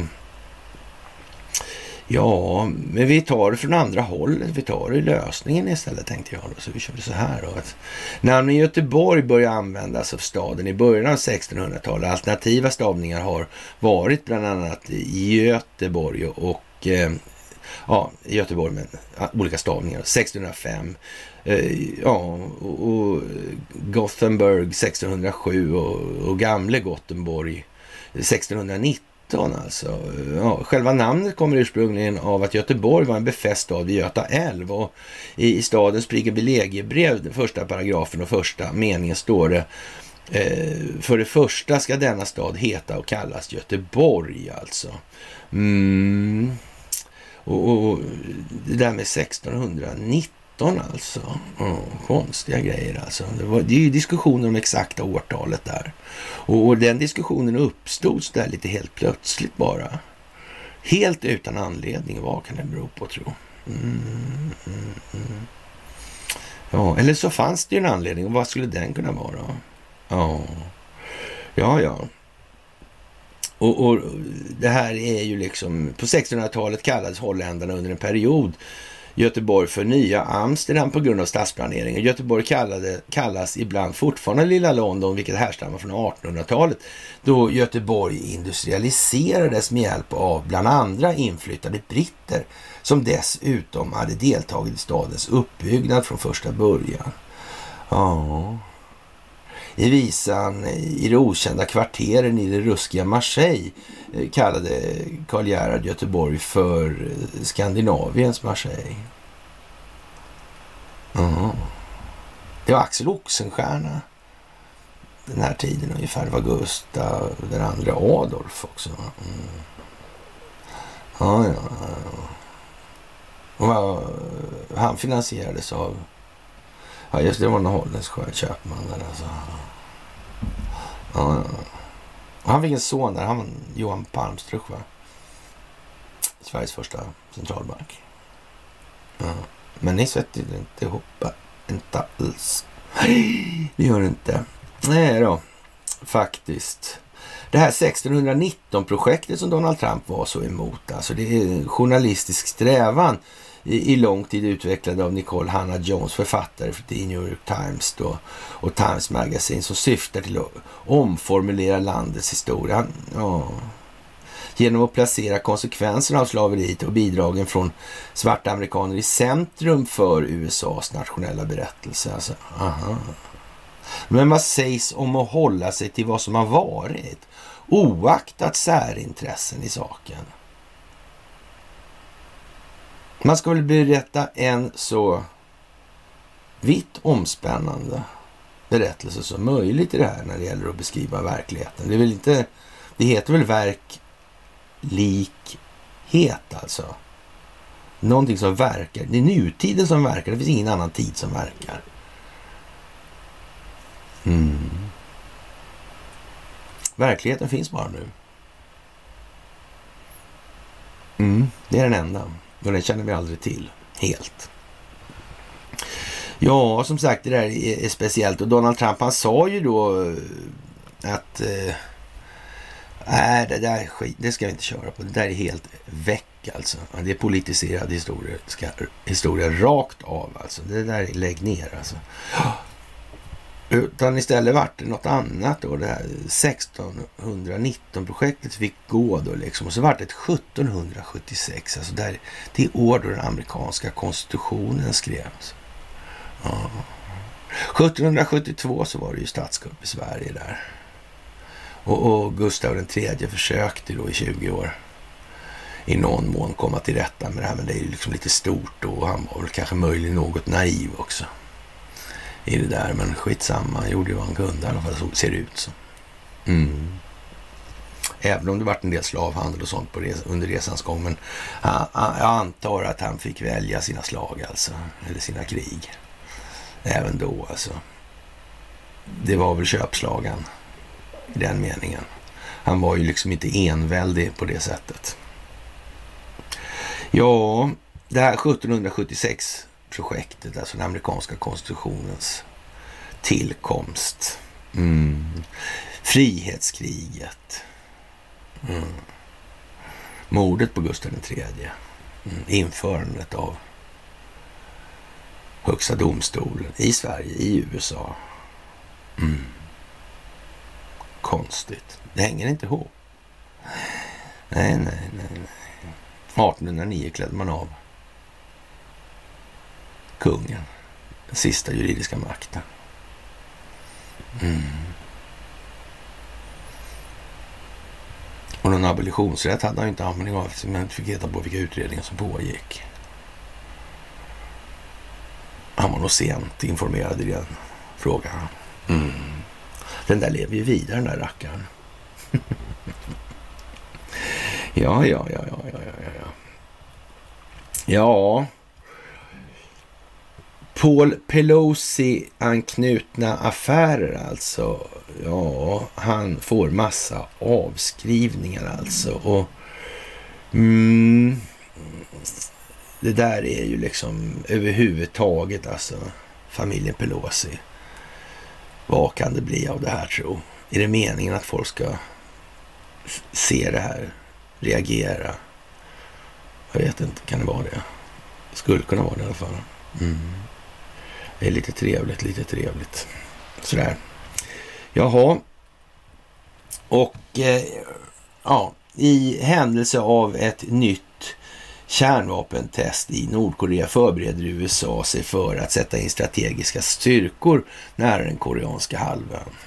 Ja, eh, Mm, det är som sagt, det finns skäl att tro att USA kommer att fallera på sin utlandsskuld inom en kort, inom en eh, överskådlig framtid. Ja. Ja. Men vad säger Kina då? Mm. Jaha. Ja. ja, ja, men då kanske man måste ta tag i den amerikanska ekonomin. Så att säga. Då kan man inte hålla den så att säga, för då blir det ju laglöst land. Va? Då blir det fria kriget och det är inte jag säker på att det är jättesmart alltså. Hur kan det vara egentligen? Jag vet inte riktigt. Ja, Venezuela har avbrutit oljeleveranserna till EU och säger att de är inte längre intresserade av olja för skuldaffärer. Istället vill de ha raffinerat bränsle från italienska och spanska producenter i utbyte mot råolja. Eh, Caracas noterade att det renade bränslet skulle hjälpa landet att återuppta den stabila driften av energi och industrisektorerna. I Bryssel sa man i sin tur då att det för närvarande inte finns några planer i EU på att häva restriktionerna under, eh, så att säga, under olja för skuldsystemet, vilket innebär att EU förlorar ytterligare en källa till kolväten. Ja, vi får väl se hur länge befolkningarna tycker att det här gänget är bra som sitter där i riksdag och regering. Det, det är det det kommer an på liksom. Och, och, sen måste man ju reda ut det där. Vi kan ju liksom inte, vi har inget system för att sätta dit dem heller som i alla fall har i någon större utsträckning med befolkningens vilja att göra. Nej, det är lite sådär alltså. Som ni kan se, eh, förstår fler och fler utvecklingsländer att tillförseln av deras naturresurser till väst under förslavande system, förslavande system inte kommer att leda till gott alltså. Och EU tappade helt enkelt kontakten med verkligheten av fräck av fräckhet alltså. Enligt europeiska tjänstemäns logik kan de införa sanktioner mot Ryssland och Ryssland är skyldig att fortsätta att leverera billig gas medan Venezuela är skyldig att leverera olja nästan gratis och inte kräver något i gengäld. Ja, men det är klart. Vad då då? Vi är ju fan schyssta ju. Ja, alla gillar ju oss. Eller? Jag vet inte. Det, det, där är bara som det är alltså. Ja, och, och, det är klart att alla förstår nu det här. Det, det, det, här är ju liksom... Men vi måste ju få ner det på lägre nivå. Alltså. Vi måste bredda. Enklare förklaringar. Och, och då blir det ju något, du kan ju inte ta med allt i varje eh, pedagogisk litania. Liksom. Det går inte. Utan ibland, och ibland måste man till och med släta över. Liksom. Det kan behövas lite religion, det kan behövas lite Rothschild, det kan behövas lite uh, rymdödlor och, och, allt möjligt alltså. Men det är inte där kärnan ligger. Det är inte där det moderna kriget avgörs. Nej. De slagen står inuti mig. Man måste förstå i början för att kunna gå Vi kan inte förstå allt på en gång. Det går inte. Det är för mycket. Det är en elefant. En hel elefant. Mm. Det måste tas i delar och då måste luckorna bryggas över. Och ibland får man väl använda sig av en pappskiva då eller något och hoppas att farten är tillräckligt hög så de passerar och inte går igenom. Det är ju liksom där det är nu. Jag menar, och en del människor kommer aldrig att komma till någon förståelse värd namnet i det här skedet. Sen kommer ju det hela projektet istället när det här så att säga är förtöjt i hamn då. Då kommer ju istället inriktningen på det här att i allt större utsträckning handla om att få siste man med sig. Men inte nu. I det här, där är vi inte än alltså. Vi är där snart, men och vad ska man säga, hur länge har det här hållit på? Att du säger tusen år sedan eh, vikingarna var på nordamerikanska kontinenten kan vi säga. Om vi säger bara, men det är längre naturligtvis. Ja. Och nu? Ja, det är tusen år. Men det tar ju inte tre veckor att rikta om. Det gör det ju inte. Det tar längre tid. Det tar fyra och en halv. Eller? Nej, det gör det inte. Vi kan väl säga så här, det har hållit på jävligt länge. Och vi är väldigt sent i det här spelet och vi kommer få uppleva den mest fantastiska tiden som människor har upplevt. Det är helt säkert. ja, speciellt alltså. Och eh, man får väl eh, säga att det har gått långt när eh, guvernör i USA, New Hampshire, då, Chris Sununu kallade president Joe Biden och justitieminister Merrick Garland för idioter för att de inte förutsåg anstormningen av politisk tillrättavisning i ljuset av FBI's razzia mot den tidigare presidenten Donald Trumps egendom Mar-a-Lago. Oh. Du kan inte gå in i en före detta presidents hem och, och plundra det där på det här sättet och sen säga ja, vi, vi kommer till dig senare. inte det är inte acceptabelt för det amerikanska folket. Nej, det kan man ju säga. Och ändå så gjorde de det. Tänk vad konstigt. Och, och de mediala strategerna på, eh, ja, de fattar ingenting av det här. Nej, nej. Ja, ja, det kan man ju tycka är konstigt att inte. Mm. Sunono, eh, en kritiker av Trump då, uh, kallade bristen på transparens i FBI-razzian enligt Washington Examiner upprörande eh, samtidigt som han skällde ut både Garland och Biden för att de inte hade en plan för att förhindra att razzian uh, ser politiserad ut. Mm. Den största frågan är vad vi alla har pratat om. Det faktum att när du ska gå in i en före detta presidents hus, men ändå tydligt, Biden och Garland hade ingen strategi, ingen förväntan om att säga vi, vi kommer att eh, vidta oöverträffade åtgärder så vi borde ha en oöverträffad plan för, för det här eh, avslöjandet då. Och, och det faktum att vi är veckor in i det här nu och de visar inga tecken eller kort på det här då, de visar ingenting. Och bristen på transparens, det är upprörande minsann alltså. Och eh, ja, och eh, ska man säga, det där har de helt enkelt förintat den amerikanska befolkningens förtroende. Jag menar, det måste ju ha funnits en, ska vi kalla det för, eh, opinionsbildningsmässig reflexiv kontrollplan för den här oöverträffade insatsen med att, att göra en husis hos en före detta president liksom. I USA. Men det hade de inte. Nej. Vilken otur att de inte kom på att de måste ha det då. Mm. Mm. Ja, om de inte förutsåg den här typen av svar från amerikanska folket, ja, då är de idioter, förklarade Sununu. Det är de verkligen. De är absoluta idioter. Och, och, det får man väl ge honom rätt i. Och det där är väl ganska klargörande, skulle man vilja säga, i det här läget. Mm. Och ja, det här är ju eh, mycket nu alltså.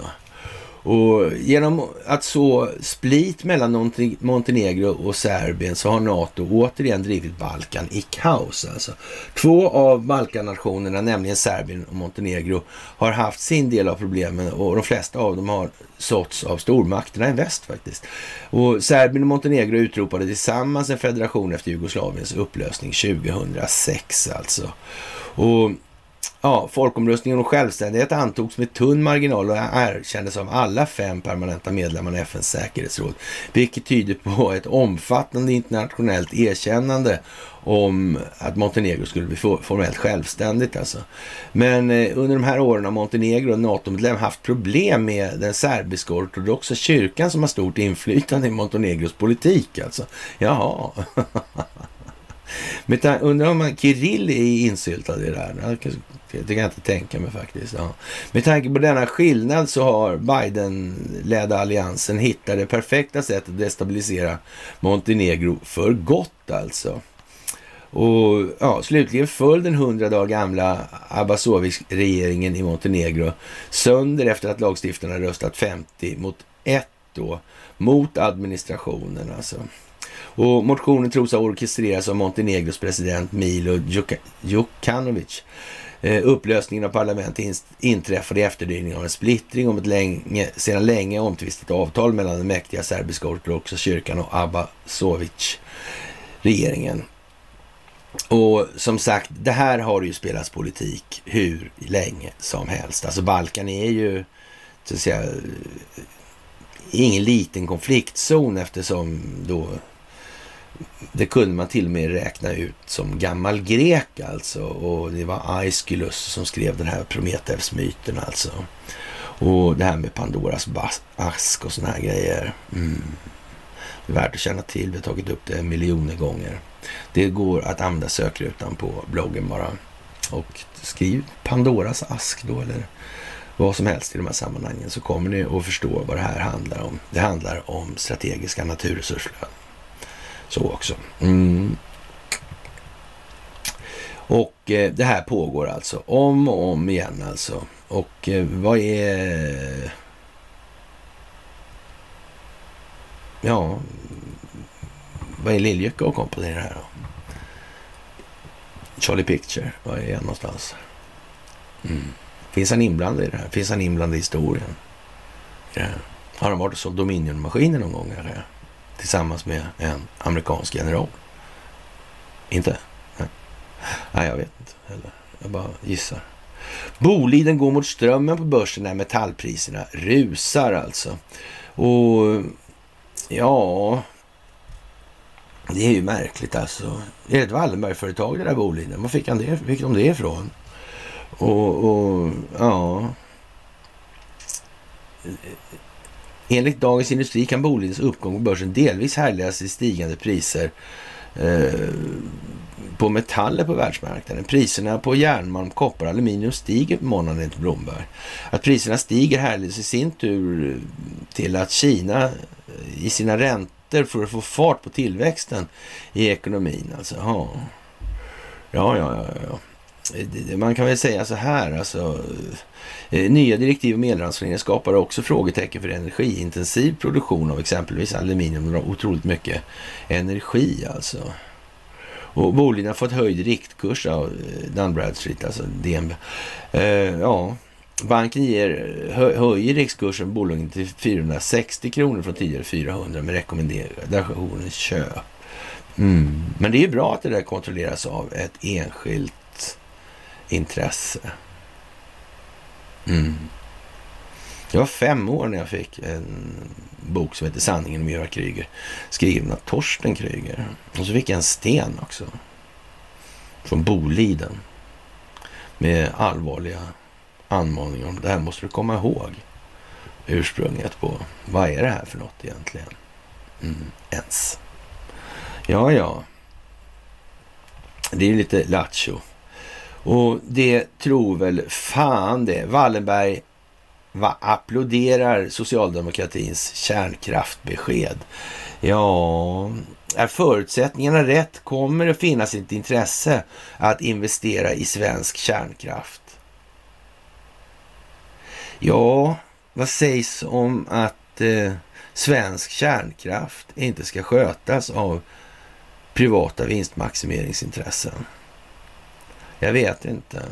Mm. Jag välkomnar, här jag pratar Jakob Wallenberg då. Eh, behoven finns, kunderna finns, men förutsättningarna har inte varit anpassade.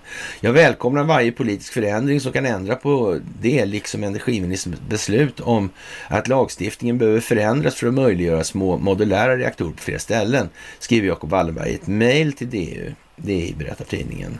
Jaha, det var i lördag som Socialdemokraterna presenterade nya förslag på utbyggnad av svensk elproduktion där en utveckling av kärnkraften är involverad. Och eh, energiminister Kash, Kashiar Farmanbar anser att lagrummen måste anpassas till en teknikutveckling med små modulära reaktorer, säger han enligt DI. Och ja, Jacob Wallenberg som är ordförande i Svensk Näringsliv har varnat för en avveckling av kärnkraften. Och eh, han har ju lite grann med ABB att göra som har en del med kärnkraft att göra skulle man kunna säga också. Och frågan är om det ens är tillrådligt att, ja, ni förstår själva. Det var högst retoriskt. Jag orkar inte ens slutföra den meningen. Som en blixt från klar himmel, tycker Cederström. Liksom. Ja, det tycker jag också. Liksom. ja, och eh, vi, vi, kan väl säga så här, det här med neurovetenskap och eh, jag vet inte, eh, medvetandets hemlighet och kan liksom, eh, det går att förklara det här. Ja, det gör ju det. Och det är det som är det märkliga, att nu först kommer då den etablerade akademin in i bilden med sina förklaringar. Men en åsna har ju kunnat förklara det där, Nej, men inte riktigt. Men alltså, är man lite engagerad så är det inte så komplicerat. Det är det ju inte. Faktiskt. Och jag, den här... Eh, ja, TheDebrief.org har skrivit den här artikeln. Den finns på min sida. Och det är Leonard som har delat den. Och det är ju liksom... Och det, det blir för långrandigt att sitta och läsa det där och, och förklara. Då får vi sitta här till morgon. Men det finns mycket att säga i det där. Men jag tycker ni ska försöka läsa igenom den i alla fall och börja någonstans i det där då. Det är ju liksom en, eh, det är en litania som heter duga då. Och, och man, man, får väl eh, säga så här att det, det, är till att ta stora steg på kort tid nu alltså. Och eh, ja, den, vad ska vi säga, eh, hur, hur det, det, är en fysiker och en eh, om man var filosof eller vad man var, den andra då, och som har skrivit det här tillsammans då. Och, och, det kan man ju ja, tycka är liksom, men det viktiga är ju att det blir ett papprets värde på, som kvittot är skrivet på. Liksom. Det, det, det är så det funkar. Pianisten alltså. Han kan spela, han är redan känd. Så. Det är så. Ja, eh, det, det, det är, handlar ju om det här med medvetet medvetande. Det handlar om eh, eh, den neurala aktiviteten och sådana här saker. Alltså det, det är ju som eh, känslor är mer kemiskt betingande. Tankar är elektriska. Och, och tankar kan påverka känslor. Så. Och, och känslor är ju liksom... Det, ja, då minns vi, vi har en känsla inför ett visst typ av intrycksmönster. Mm. Sådär. Våra känslogrundande värderingar i den delen. Och man, man får väl säga att Eh, kan läsa något stycke så här. Alltså, med andra ord kan den medvetna upplevelse som människan definierar inte reduceras till enbart hjärnaktivitet eftersom forskare fortfarande inte kan hitta direkta samband med de upplevelser som ger upphov till sådana känslor. Alltså. Och ja, det är som sagt, man måste ju börja någonstans här nu. Och eh, trots detta ger mer än ett sekel av studier i neurovetenskap gott stöd för tanken att hjärnan är källan till mänskligt eh, medvetande, hur svårfångad den förblir. Eh, mysteriet är därför var, var de kommer från, våra hjärnor och, och kroppar. Alltså, och varför vi kämpar för att matcha det här med våra observationer av och neural aktivitet. Alltså. Och det här är inte så jävla komplicerat som, som det har gjorts gällande, såklart. Alltså det, är som, det är precis som nationalekonomi eller militärstrategi eller vad det nu är för någonting. Det är ju så alltså. Det finns ofta en tanke med många saker alltså.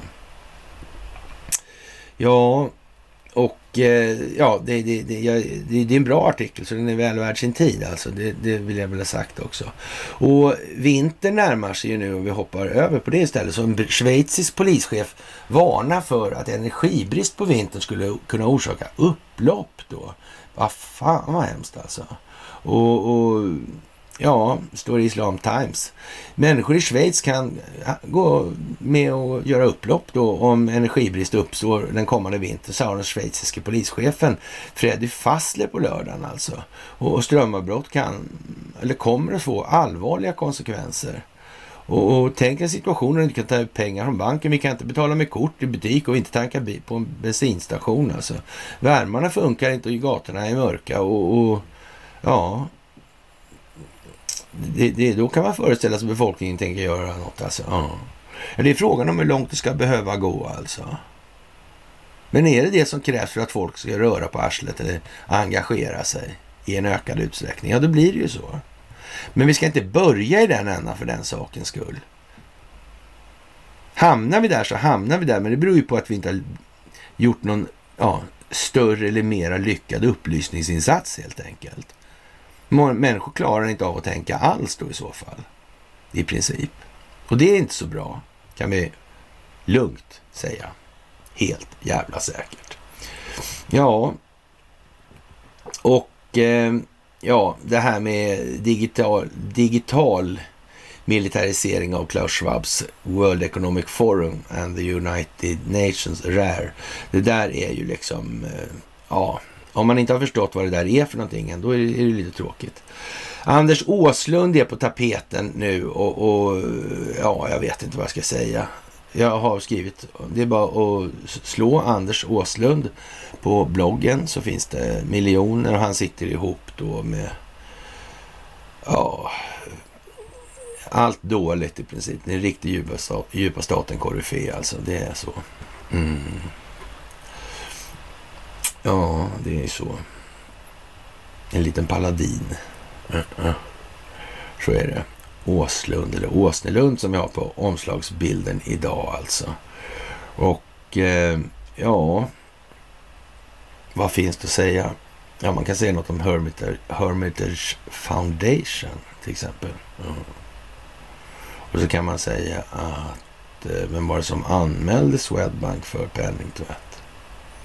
Mm. Magnitsky-akten. Bill Browder är det alltså. Ja, konstigt. Mm. Konstigt, konstigt, konstigt. Mm.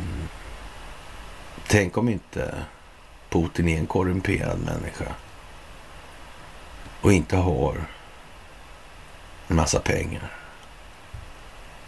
Mm. Ja skulle man kunna säga, tänka, och bara tänk att banksystemet inte själva har kunnat visa upp det här, att han har det. Hur pengarna rört sig liksom och så. Nej, det är jävligt konstigt alltså. Det är jävligt konstigt alltså. Ja, det är ju märkligt alltså. Och, och det här med, med, elavtal på agenda där och ja, analys då. Det är ju lite speciellt. Den här prisbildningsmekanismen. Ja, hur det här fungerar. Att det är det enskilda intressen som är inblandade i det här. Mm. Kan det vara så att man har förstått att vitala samhällsinfrastrukturella intressen inte kan tillgodoses av enskilda vinstmaximeringsintressen. Det är ju liksom någonting annat. Det är olika saker. Det är jävligt svårt det här på något vis, eller? Ja, det är ju som det är, va? Helt enkelt. Och ja, som sagt, det är som det är i luften. Och det är som det är med de här uh, hypersoniska missilerna som Ryssland har. Och det är som det är med uppkomna militärövningar i Sverige. Mm. Det är det ju. Med logistiken som planeras för dem ändå. Det är ju konstigt. Mm. Vad är det som händer här i världen? Vad är det som händer? Ja, det är ju lite speciellt alltså. Och Finlands premiärminister avslöjar att hon har tagit drogtest. Ja, hur var det där egentligen? Jag vet inte vem som tog det här drogtestet då? Vem analyserar det? Det är ungefär som rösträkning. Det är lika viktigt alltså. Ja, ja. Är det därför gamle Vada? Arne? Mm. Ja, vem har sått det där jävla drakfröet egentligen? Vad sa Fisken ruttnar från huvudet? Jaha, högst upp alltså i Vada? Mm. No, jag vet inte. Tänk vad konstigt. Var han svensk? ja, ja, ja, ja, ja, ja, ja, ja. Mm. Ja. Elchocken och eh, ministerns omöjliga löften. Ja, hur är det där alltså? Kaliber har avslöjat massa grejer, varför vi är där vi är nu. Är det frivilligt det? De har bara inte kommit på det tidigare och att det alltid har varit likadant. Det, det är bara så. Mm. Ungefär som Karl Petter där då. Mm. Fisken ruttnade inte från huvudet just i det här lilla segmentet. Den ruttnade från arslet och neråt eller arslet och uppåt kanske. Jag vet inte. Ja, ja. Det utgick från VA-gången i alla fall, oavsett riktningen. Ja, ja. Och eh, ja, det finns en enorm klyfta bland demokraterna i USA. I, i, liksom, eh, om hur svårt det är att kampanja för demokrati, vad det nu är för någonting i en eh, republik som den amerikanska. Alltså, det, det är konstigt alltså. Och det här med demokrati, är inte det kanske lite som ett sånt begrepp som egentligen aldrig har haft någon riktig betydelse? Utan det har hållits luftigt liksom. Och sen har man vi alla bara, vi är demokrater liksom. Det är lite grann som att skrika kärlek liksom. Mm. Diffusa begrepp alltså. Mm. Språklig förvanskning eller språklig förvridning av tankarna. Mm. Ja, ja. I den meningen kan man ju säga att det är dunkelt eh, sagda är dunkelt tänkta då liksom. Ja, så kan man ju säga också. Mm. Eller också kan det vara glasklart. Så. Mm. Det kan vara lite det ena och det andra här. Man funderar lite på helt enkelt. Ja, ja, begär demokrati. Hur gör man då? Är inte det någonting man förtjänar? Jag trodde det var så, men nej. Nej, det där är lite som... Det verkar konstigt. Det demokratiska partiet verkar gå en svår framtid till mötes. Intressant. Jo, jag tycker också det faktiskt. Kul att ni håller med i alla fall.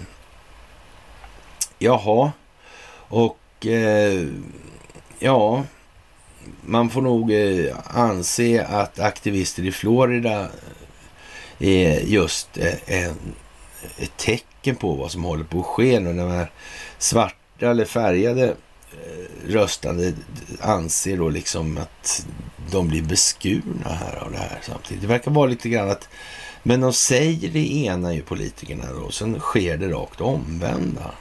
Konstigt. Det är konstigt att det kan vara så. Mm. Och eh, ja, den som röstar bestämmer ingenting. Alltså den som räknar rösterna bestämmer allt. Och det är ju som sagt gammalt.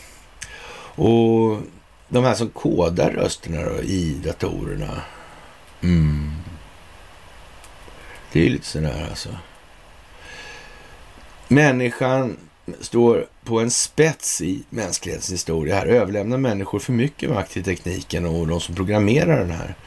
Och, och ja, nu visar det sig då att man, man i, i, det amerikanska valet då har eh, efter man har gjort den här eh, första, man gjorde ju en sån här eh, forensisk undersökning av valet då. Sådär. Men så visade det sig att man, den forensiska undersökningen den var ju aldrig menad eller ägnad att leda till något resultat. Och sen så hände det något lustigt, sen raderades massa information från efter man hade gjort den då. Mm. Problemet var ju bara att militären hade ögonen på det här hela tiden. Så nu blir det dubbeljävligt i den ändan. Mm. Så ja, som sagt. Ljuset kommer väl från öster. Laipeida verkar det vara som står som trovärdig ja, tillskyndare av detta nu. Jaha.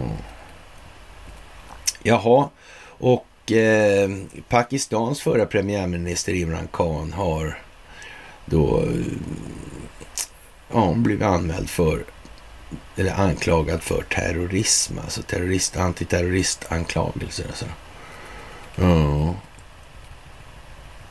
Det får vi väl se vad det leder till då. Mm. Han är alltså en terrorist då alltså. Mm.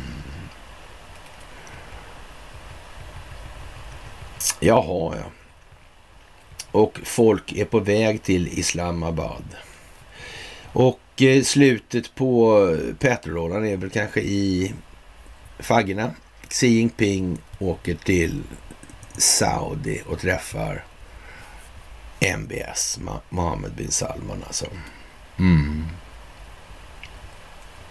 Ja, men eh, de där är inte kompisar med Donald Trump. De är inte komp eller de är inte vänner med Vladimir Putin.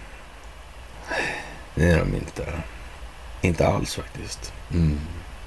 Vi kan till och med drista oss till att påstå att eh, de gillar Recep Tayyip Erdogan också. Mm. Faktiskt. Mm. Ja,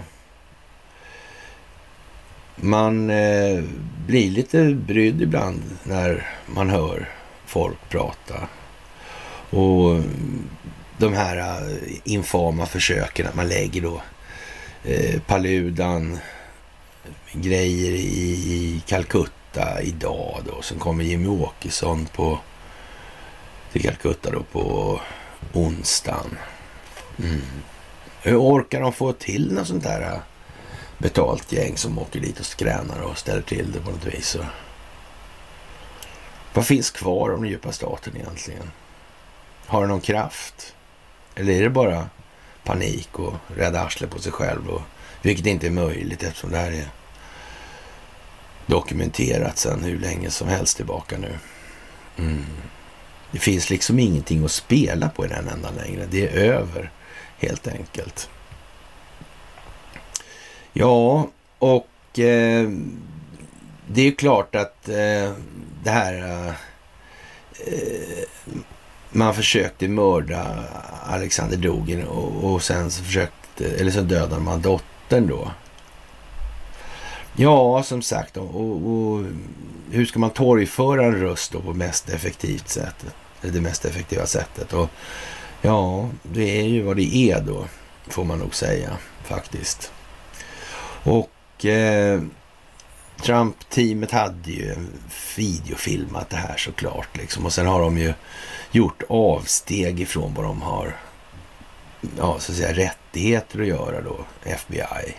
Det är en fälla alltså. Det är en riggad fälla och det är bara så. Det kommer tillbaka nu alltså. Och eh, ja, Kinas rekordguldköp och Rysslands dedollarisering innebär döden för den amerikanska ekonomin som vi känner till den då. Och, och ja, eh, konstigt här egentligen alltså. Eh, då, eh, mm, en sällsynt trend observeras i Kina som vi hittills den har hittills undgått världens mediauppmärksamhet, den mediala uppmärksamhet. Enligt spekulationer har Kina i smyg importerat guld från Schweiz i rekordfart alltså. Det där Schweiz som var så här nervösa för elen under vintern, man var inte så. Mm, det är konstigt. Konstigt alltså. Mm. ABB är ju schweiziskt. De borde ju ha jättelätt att hålla koll på det där alltså. Eller är det kanske just därför? Ja, man vet ju aldrig. Man vet ju aldrig alltså. Det är ju enormt komplicerat nu alltså. Ja, den så kallade enda supermakten på planeten USA, de ja, borde ju se igenom det här på något vis alltså. Den amerikanska ekonomin står redan på randen av fullständig katastrof, men, men eh, underlivsporslinet har fortfarande liksom en möjlighet att rädda sitt ansikte, skriver man här. Alltså hur skulle det gå till då? Nej, det är faktiskt eh, som det är nu. Det är som det är och det kan inte bli på något annat sätt, så är det bara.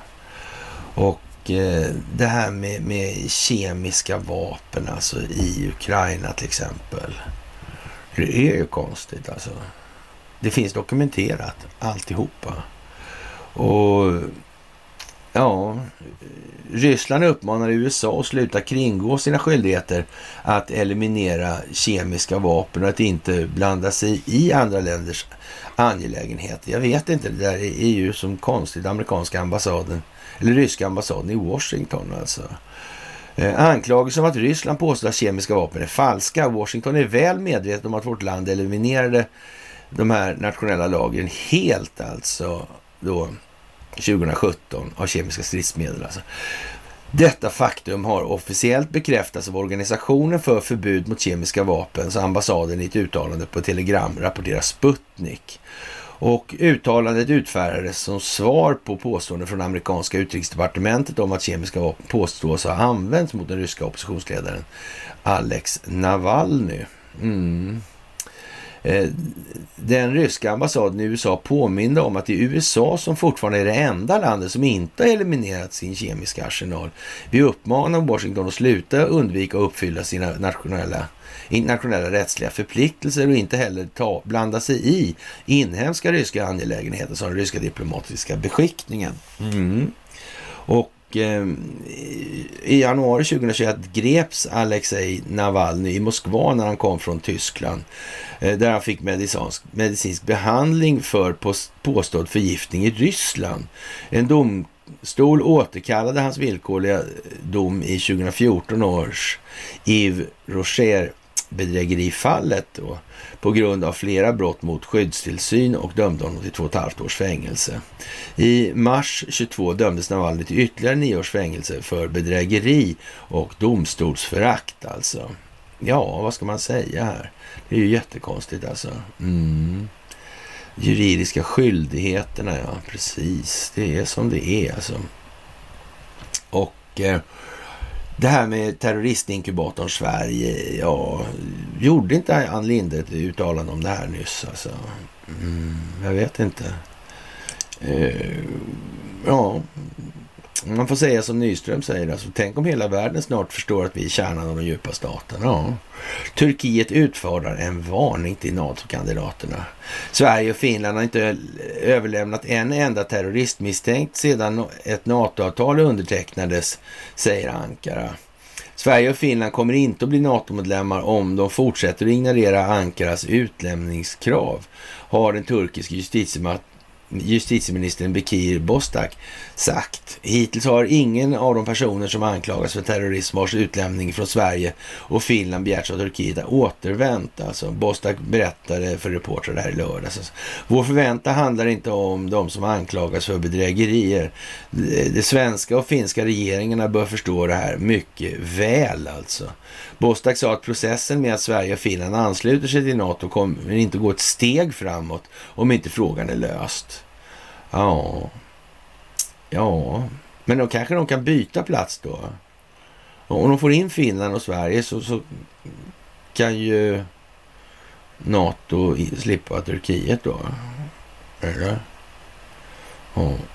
Och ja, jag vet inte. Konstigt det där. Mm. Turkiet gick med på att formellt stödja de två nordiska staternas inbjudan att ansluta sig till USA-ledda militärblocket i juni på villkor att de inte skulle stödja organisationer som Ankara ser som terroristgrupper. Turkiet har sedan dess gjort, sagt att Sverige och Finland har misslyckats med att respektera den här överenskommelsen. Och Ankara har begärt ut Eh, 33 personer anklagade för terrorism alltså. Och, eh, enligt landets media. De svenska regeringarna sa det under tiden att de skulle utlämna en man som dömts för kreditkortsbedrägeri. Eh, svenska premiärminister Magdalena Andersson sa det i juni att eh, Stockholm hanterar utlämning till Turkiet i enlighet med internationell och europeisk rätt. Hon tillade att Sverige inte stöder människor som utgör ett hot mot den turkiska säkerheten. Ja, vad ska vi säga egentligen? Det är bedrövligt och ingenting annat. Sådär, och det här med att konfrontera och hantera sin egen okunskap det gör ju ont. Alltså det gör ont när knoppar brister helt enkelt. Och vägen framåt är ju inte någon fluffig rosa, jag vet inte vad alltså. Nej, det är ju inte så. Visdom är helat lidande, punkt, alltså punkt slut alltså. Punkt fan slut nu alltså. Ja, ja. Och som sagt, eh, ja. Today we pay tribute and show solidarity with the victims of terrorism and their families around the globe. Ja. Offer för terrorismen, dagen Ann Linda alltså. Mm. Man undrar ju alltså. Hur uppenbart ska man behöva göra det här för att svenska befolkningen ska förstå att de är grundlurade sedan födseln i en större utsträckning än vad man förstår nu i alla fall? Mm, det kan man ju undra. Ja, vi verkar komma närmare och närmare den situationen där ingen är ansvarig för vad de har gjort. Alltså, men vi är alla ansvariga för vad någon annan gjorde. Mm. Det är ju lite speciellt, det får man ju säga i dagens läge faktiskt. Mm. Jaha, och som sagt det här med hälsosystem där läkarna får betalt när folket är friska. Det verkar inte så dumt. I samband med stora övningar och transport av tunga stridsfordon behövs militärpolisen för att reglera trafiken. Då är det viktigt att syna att vi har tillgång till olika fordon som Mercedes G-klass och Sprint, liksom bepansrade Galten då och sådana där. Och, och, en och annan ny Volvobil och sådana här prylar också. Mm. Det kan ju vara bra att ha. Ja, det kommer tunga fordon den här. ja. Ja, ja, ja, ja, ja, ja. Det var väl någon som hade någon idé om det där tror jag i kommentatorsfältet. Hermansson hade, en, de smyger in i riket som älvorna i den trollska dimman. Tidigt om morgonen när de sovande drömmer om sitt paradis. Ja, det är sant alltså. Och ja, Försvarsmakten åker även med Westins buff, buss från Cityterminalen på förmiddagen såg jag idag. Ja, minsann alltså. Ja, full kontroll på befolkningen, ja, kan det ha något med det att göra? Jaha, finns det militärpoliser eh, också undrar någon då som... Ja, det är ju Myrberg, Myrberg från då Estonia Myrberg som undrar det. Ja, det gör det ju faktiskt. Alltså. Och, och, och vilken, under vilken åklagare lyder de då? Alltså? Ja, ja, kanske USAs åklagarkammare. Det måste ju ändå vara så att den eh, svenska militären måste vara hyfsat medgörlig just nu. Va? Ja. Med tanke på att en eh, situation som Eriksson befinner sig i knappt att leka med. Och vad ska man säga att det, landet är omringat av militära fartyg. Mm. Det där med valinterferensen, det blir ju vad det blir och det kunde ju aldrig varit så att liksom eh, Ja, i det här Swedish Kings of Cyber War till exempel kan man ju faktiskt läsa att det är ju eh, liksom gjort hela hackriggningen. Så är det gjort för att det ska se ut som det är någon annan va, som gör det där. Mm. Och det är väl aldrig möjligt alltså att, att, att svenskarna skulle, eller Ericsson skulle ha lyckats med att, att infiltrera i Kina så mycket. Mm. på ett brutalt vis lägger sig i Kinas inre angelägenheter kanske. Mm, det vill säga Kina får skulden för det där. Mm. Och den fällan gick man alltså i alltså. Mm. Från Investors sida. Investor svalde betet. Sådär. Mm. Så det var ju planerat innan de svalde betet. Alltså, hade inte, då hade det varit en vanlig munsbit som man hade. Liksom. Nu var det ett bete. Det satt en krok på det här. Det var ju lite otur faktiskt, det måste man ju säga. Ja, och ja, vad ska man säga? En, en, del blir ju mer eller mindre glada nu när det kommer fram hur det här är då. Och, och ja, eh, som sagt, militär ledning, amerikansk sådan alltså. Det är ju lite eh, speciellt. Mm. Men om vi går med i NATO, alla skriker ska med i NATO, så kan det inte vara Ja, men då så. Man ska vara försiktig med vad man önskar sig helt enkelt.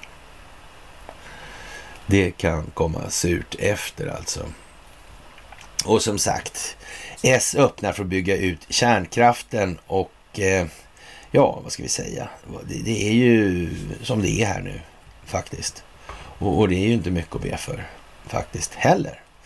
Och ja, med det, kära vänner, så vi kan ju hålla på så här till fan kommer och hämtar oss. Och jag håller på och leta reda på det där. Och, men, det finns en sida som heter sweroots.com alltså.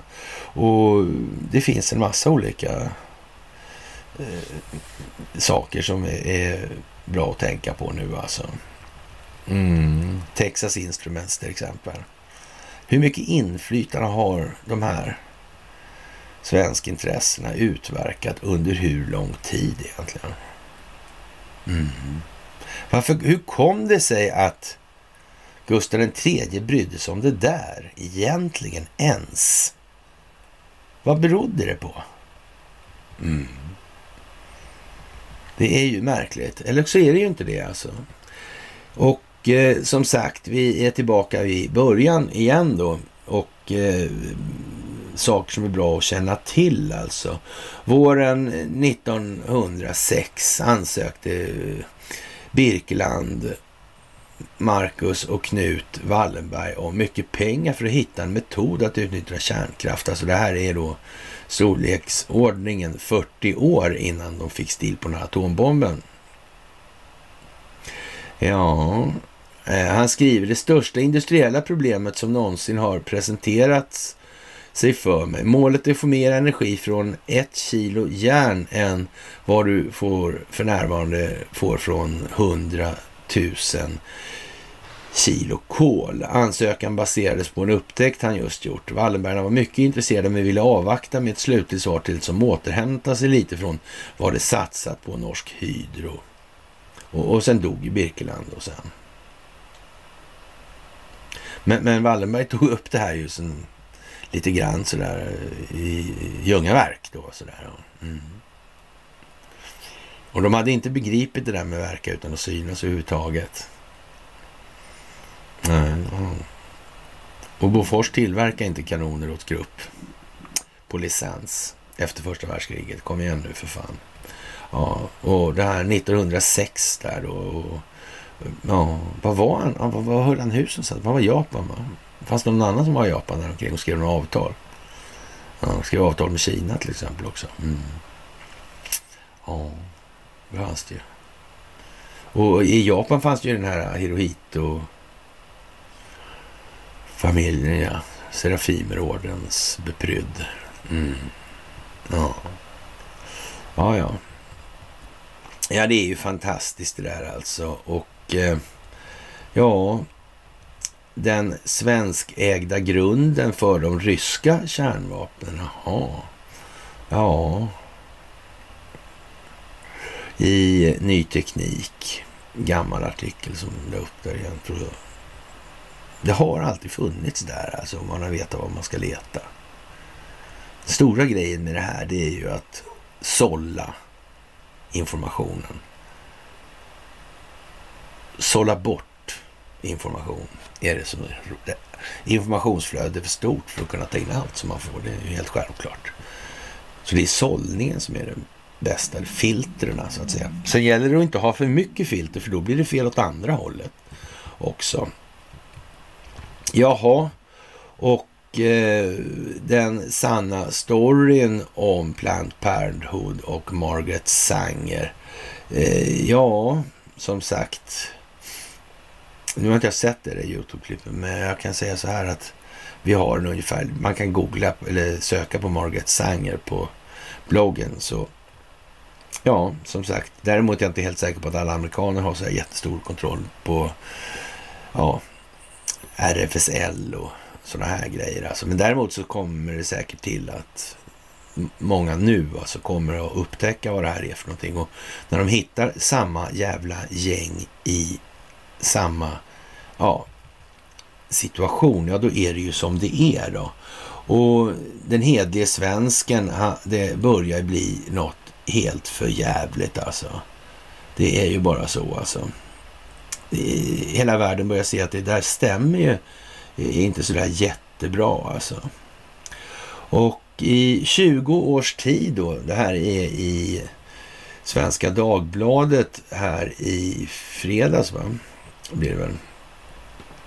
I 20 års tid har en sekvens från Peter Jacksons filmatisering av Sagan om ringen fungerat som den perfekta illustrationen till det där skälvande ögonblicket där girighet och förnuft duellerar i frontalloben. Bilbo i skådespelaren Ian Holms tappning är precis på väg att lämna över härskarringen till Gandalf när han plötsligt stannar i steget. Blicken letar sig mot den släta guldringen och så säger han med lite darr på stämman eh, ja, när allt kommer omkring alltså. Varför skulle jag inte behålla den liksom? Nu påstår jag inte, för all del, inte att anonyma donationer till politiska partier är synonymt med maktens ringar eller att våra folkvalda är hober. Men, men scenen kommer till mig efter Kalla faktas uppmärksammade reportage om partiernas hemliga pengar. Hur mycket är man beredd att riskera för stilla sitt begär och vad tycker man sig själv har rätt till alltså. Det finns något djupt fascinerande i hur lättvindigt partierna var beredda för att trycka ner handen i den syltburk som Kalla fakta-redaktionen sträckte fram. Det räckte med en påhittad affärsman, att en påhittad affärsman erbjöd en halv miljon anonymt för att de kristallklara reglerna för donationer till politiska partier skulle förvandlas till en gråzon, som Kristdemokraternas partisekreterare Peter Kullgren uttryckte saken, alltså det. Eh, nu var de förvisso inte ensamma om att söla här fingrarna. Moderaterna, Socialdemokraterna, Liberalerna, Sverigedemokraterna försökte alla komma åt pengarna. Eh, någon förslog ett bulvanupplägg, en annan tipsade om att köpa ett stort antal av partiets lotter. Allt för att runda insynsgränsen på ett halvt prisbasbelopp. Eh, och så har vi Liberalerna som hade den kreativa idén att ta in en extern konsult alltså. Sven Dahl, chefredaktör för Timbro-magasinet Smedjan, föreslog först att han skulle fakturera affärsmannen summan och, och, och, sedan själv skänka den till partiet. Sen tänkte han ett varv till och insåg att han skulle slippa betala moms om man fick pengarna som en gåva istället. Det fordras en viss eh, je ne sais quoi för att både lyckas ducka för reglerna om insyn och transparens och slippa skatta för arbetsinsatsen. Någon med vassare tunga eh, kanske skulle säga att det var imponerande skrupellöst alltså. Ja, den där gråzonen är inte nödvändigtvis brottslig men inte heller etiskt försvarbart. illustrerar en blind fläck i vår självuppfattning. Vi har länge närt idén om en unik statsbildning där ett land där hedlighet och transparens, rationalitet står högst i kurs. Men uppenbarligen är vi inte bättre än tillfället gör oss alltså. Och i Transparency Internationals årliga genomgångar av korruption i världen hamnar Sverige förvisso på fjärde plats över världens minst korrupta länder. Men där våra nordiska grannländer klättrar på listan har vi legat på samma nivå sedan 2018. Man konstaterar också att de problem som finns främst är kopplade till jäv och nepotism. Fenomen som borde vara betydligt svårare att mäta än, säg, rena mutor och i EUs korruptionsbarometer säger en tredjedel av de tillfrågade svenskarna att korruptionen ökar i landet. Ja, då kan man ju säga att medvetenheten om den ökar i alla fall. Om den ökar eller inte kan man ju inte veta om man inte är medveten om det. Nej. Nej. Det är ju det. Ja, så tonar bilden av ett skuggrike fram. Där gamla vänskapsband, kontakter och intressen väger tyngre än samhällets bästa. Ett Old Boys Network som Hayanat Ibrahim, generalsekreterare på Institut mot, Institut mot mutor, kallar det. Mellanmjölkskorruption skulle det kanske kunna heta på svenska. Det här var i Svenska Dagbladet. Och det hade naturligtvis inte ja, varit comme-il-faut. ja, vad ska vi säga för tre veckor sedan eller? Ja, det är dags nu helt enkelt. Det är dags. Så jävla dags. Och Joe Biden gör klart för amerikanerna att det är Kina som är grejen. Det är ett Kina där ett fåtal svenskar på ett brutalt vis har lagt sig i Kinas inre angelägenheter. Och eftersom det inte är någon obetydlig faktor det talar om, nej, utan det handlar om nationellt säkerhetsintresse. Ah, ja, ja, ja, ja, ja, ja. Mm. Jag ser man på, ja. Som det kan bli här i världen. Mycket speciellt.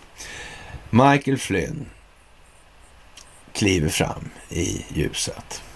Och eh, då kan vi väl säga, då har vi nog kommit rätt långt runt det här. Och ja, en eh, rådgivande på jordbruksdepartementet i USA. Ja, står där med fingrarna i burken. Med ett kinesiskt kommunistiskt parti. Liksom. Ja, ja. Det är pandaaktigt skulle man nästan kunna säga. Det är många saker och fortfarande så vill inte alla riktigt ändå alltså. Ja, Ja, ja, det är speciellt värre och vi är ju värst på fotbollsmuter i hela världen. Va? Och eh, det här med att publicera resultaten på förhand.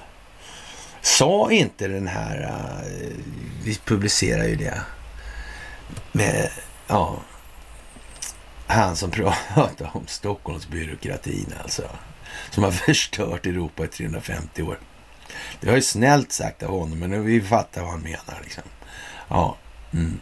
vi behöver inte tjattra oss bakåt sådär. Nej. Mm. Ja, ja. Det är, ja, de hade lite tur och gissade säger man där på, men det är fortfarande så är det som det är helt enkelt. Och eh, jag vet inte faktiskt. Det är fantastiskt. Det är hur otroligt som helst alltså. Mm. Ni är fantastiska. Det här blir så jävla bra. Och eh, vi får väl anse den här veckan därmed inledd då. Och det är ju en vecka som kommer att bli någonting att minnas. Det kan ni vara helt jävla säkra på. Och därmed så önskar jag er en trevlig måndagkväll så hörs vi senast på onsdag. Och tänk på, det här kommer gå helt jävla bra.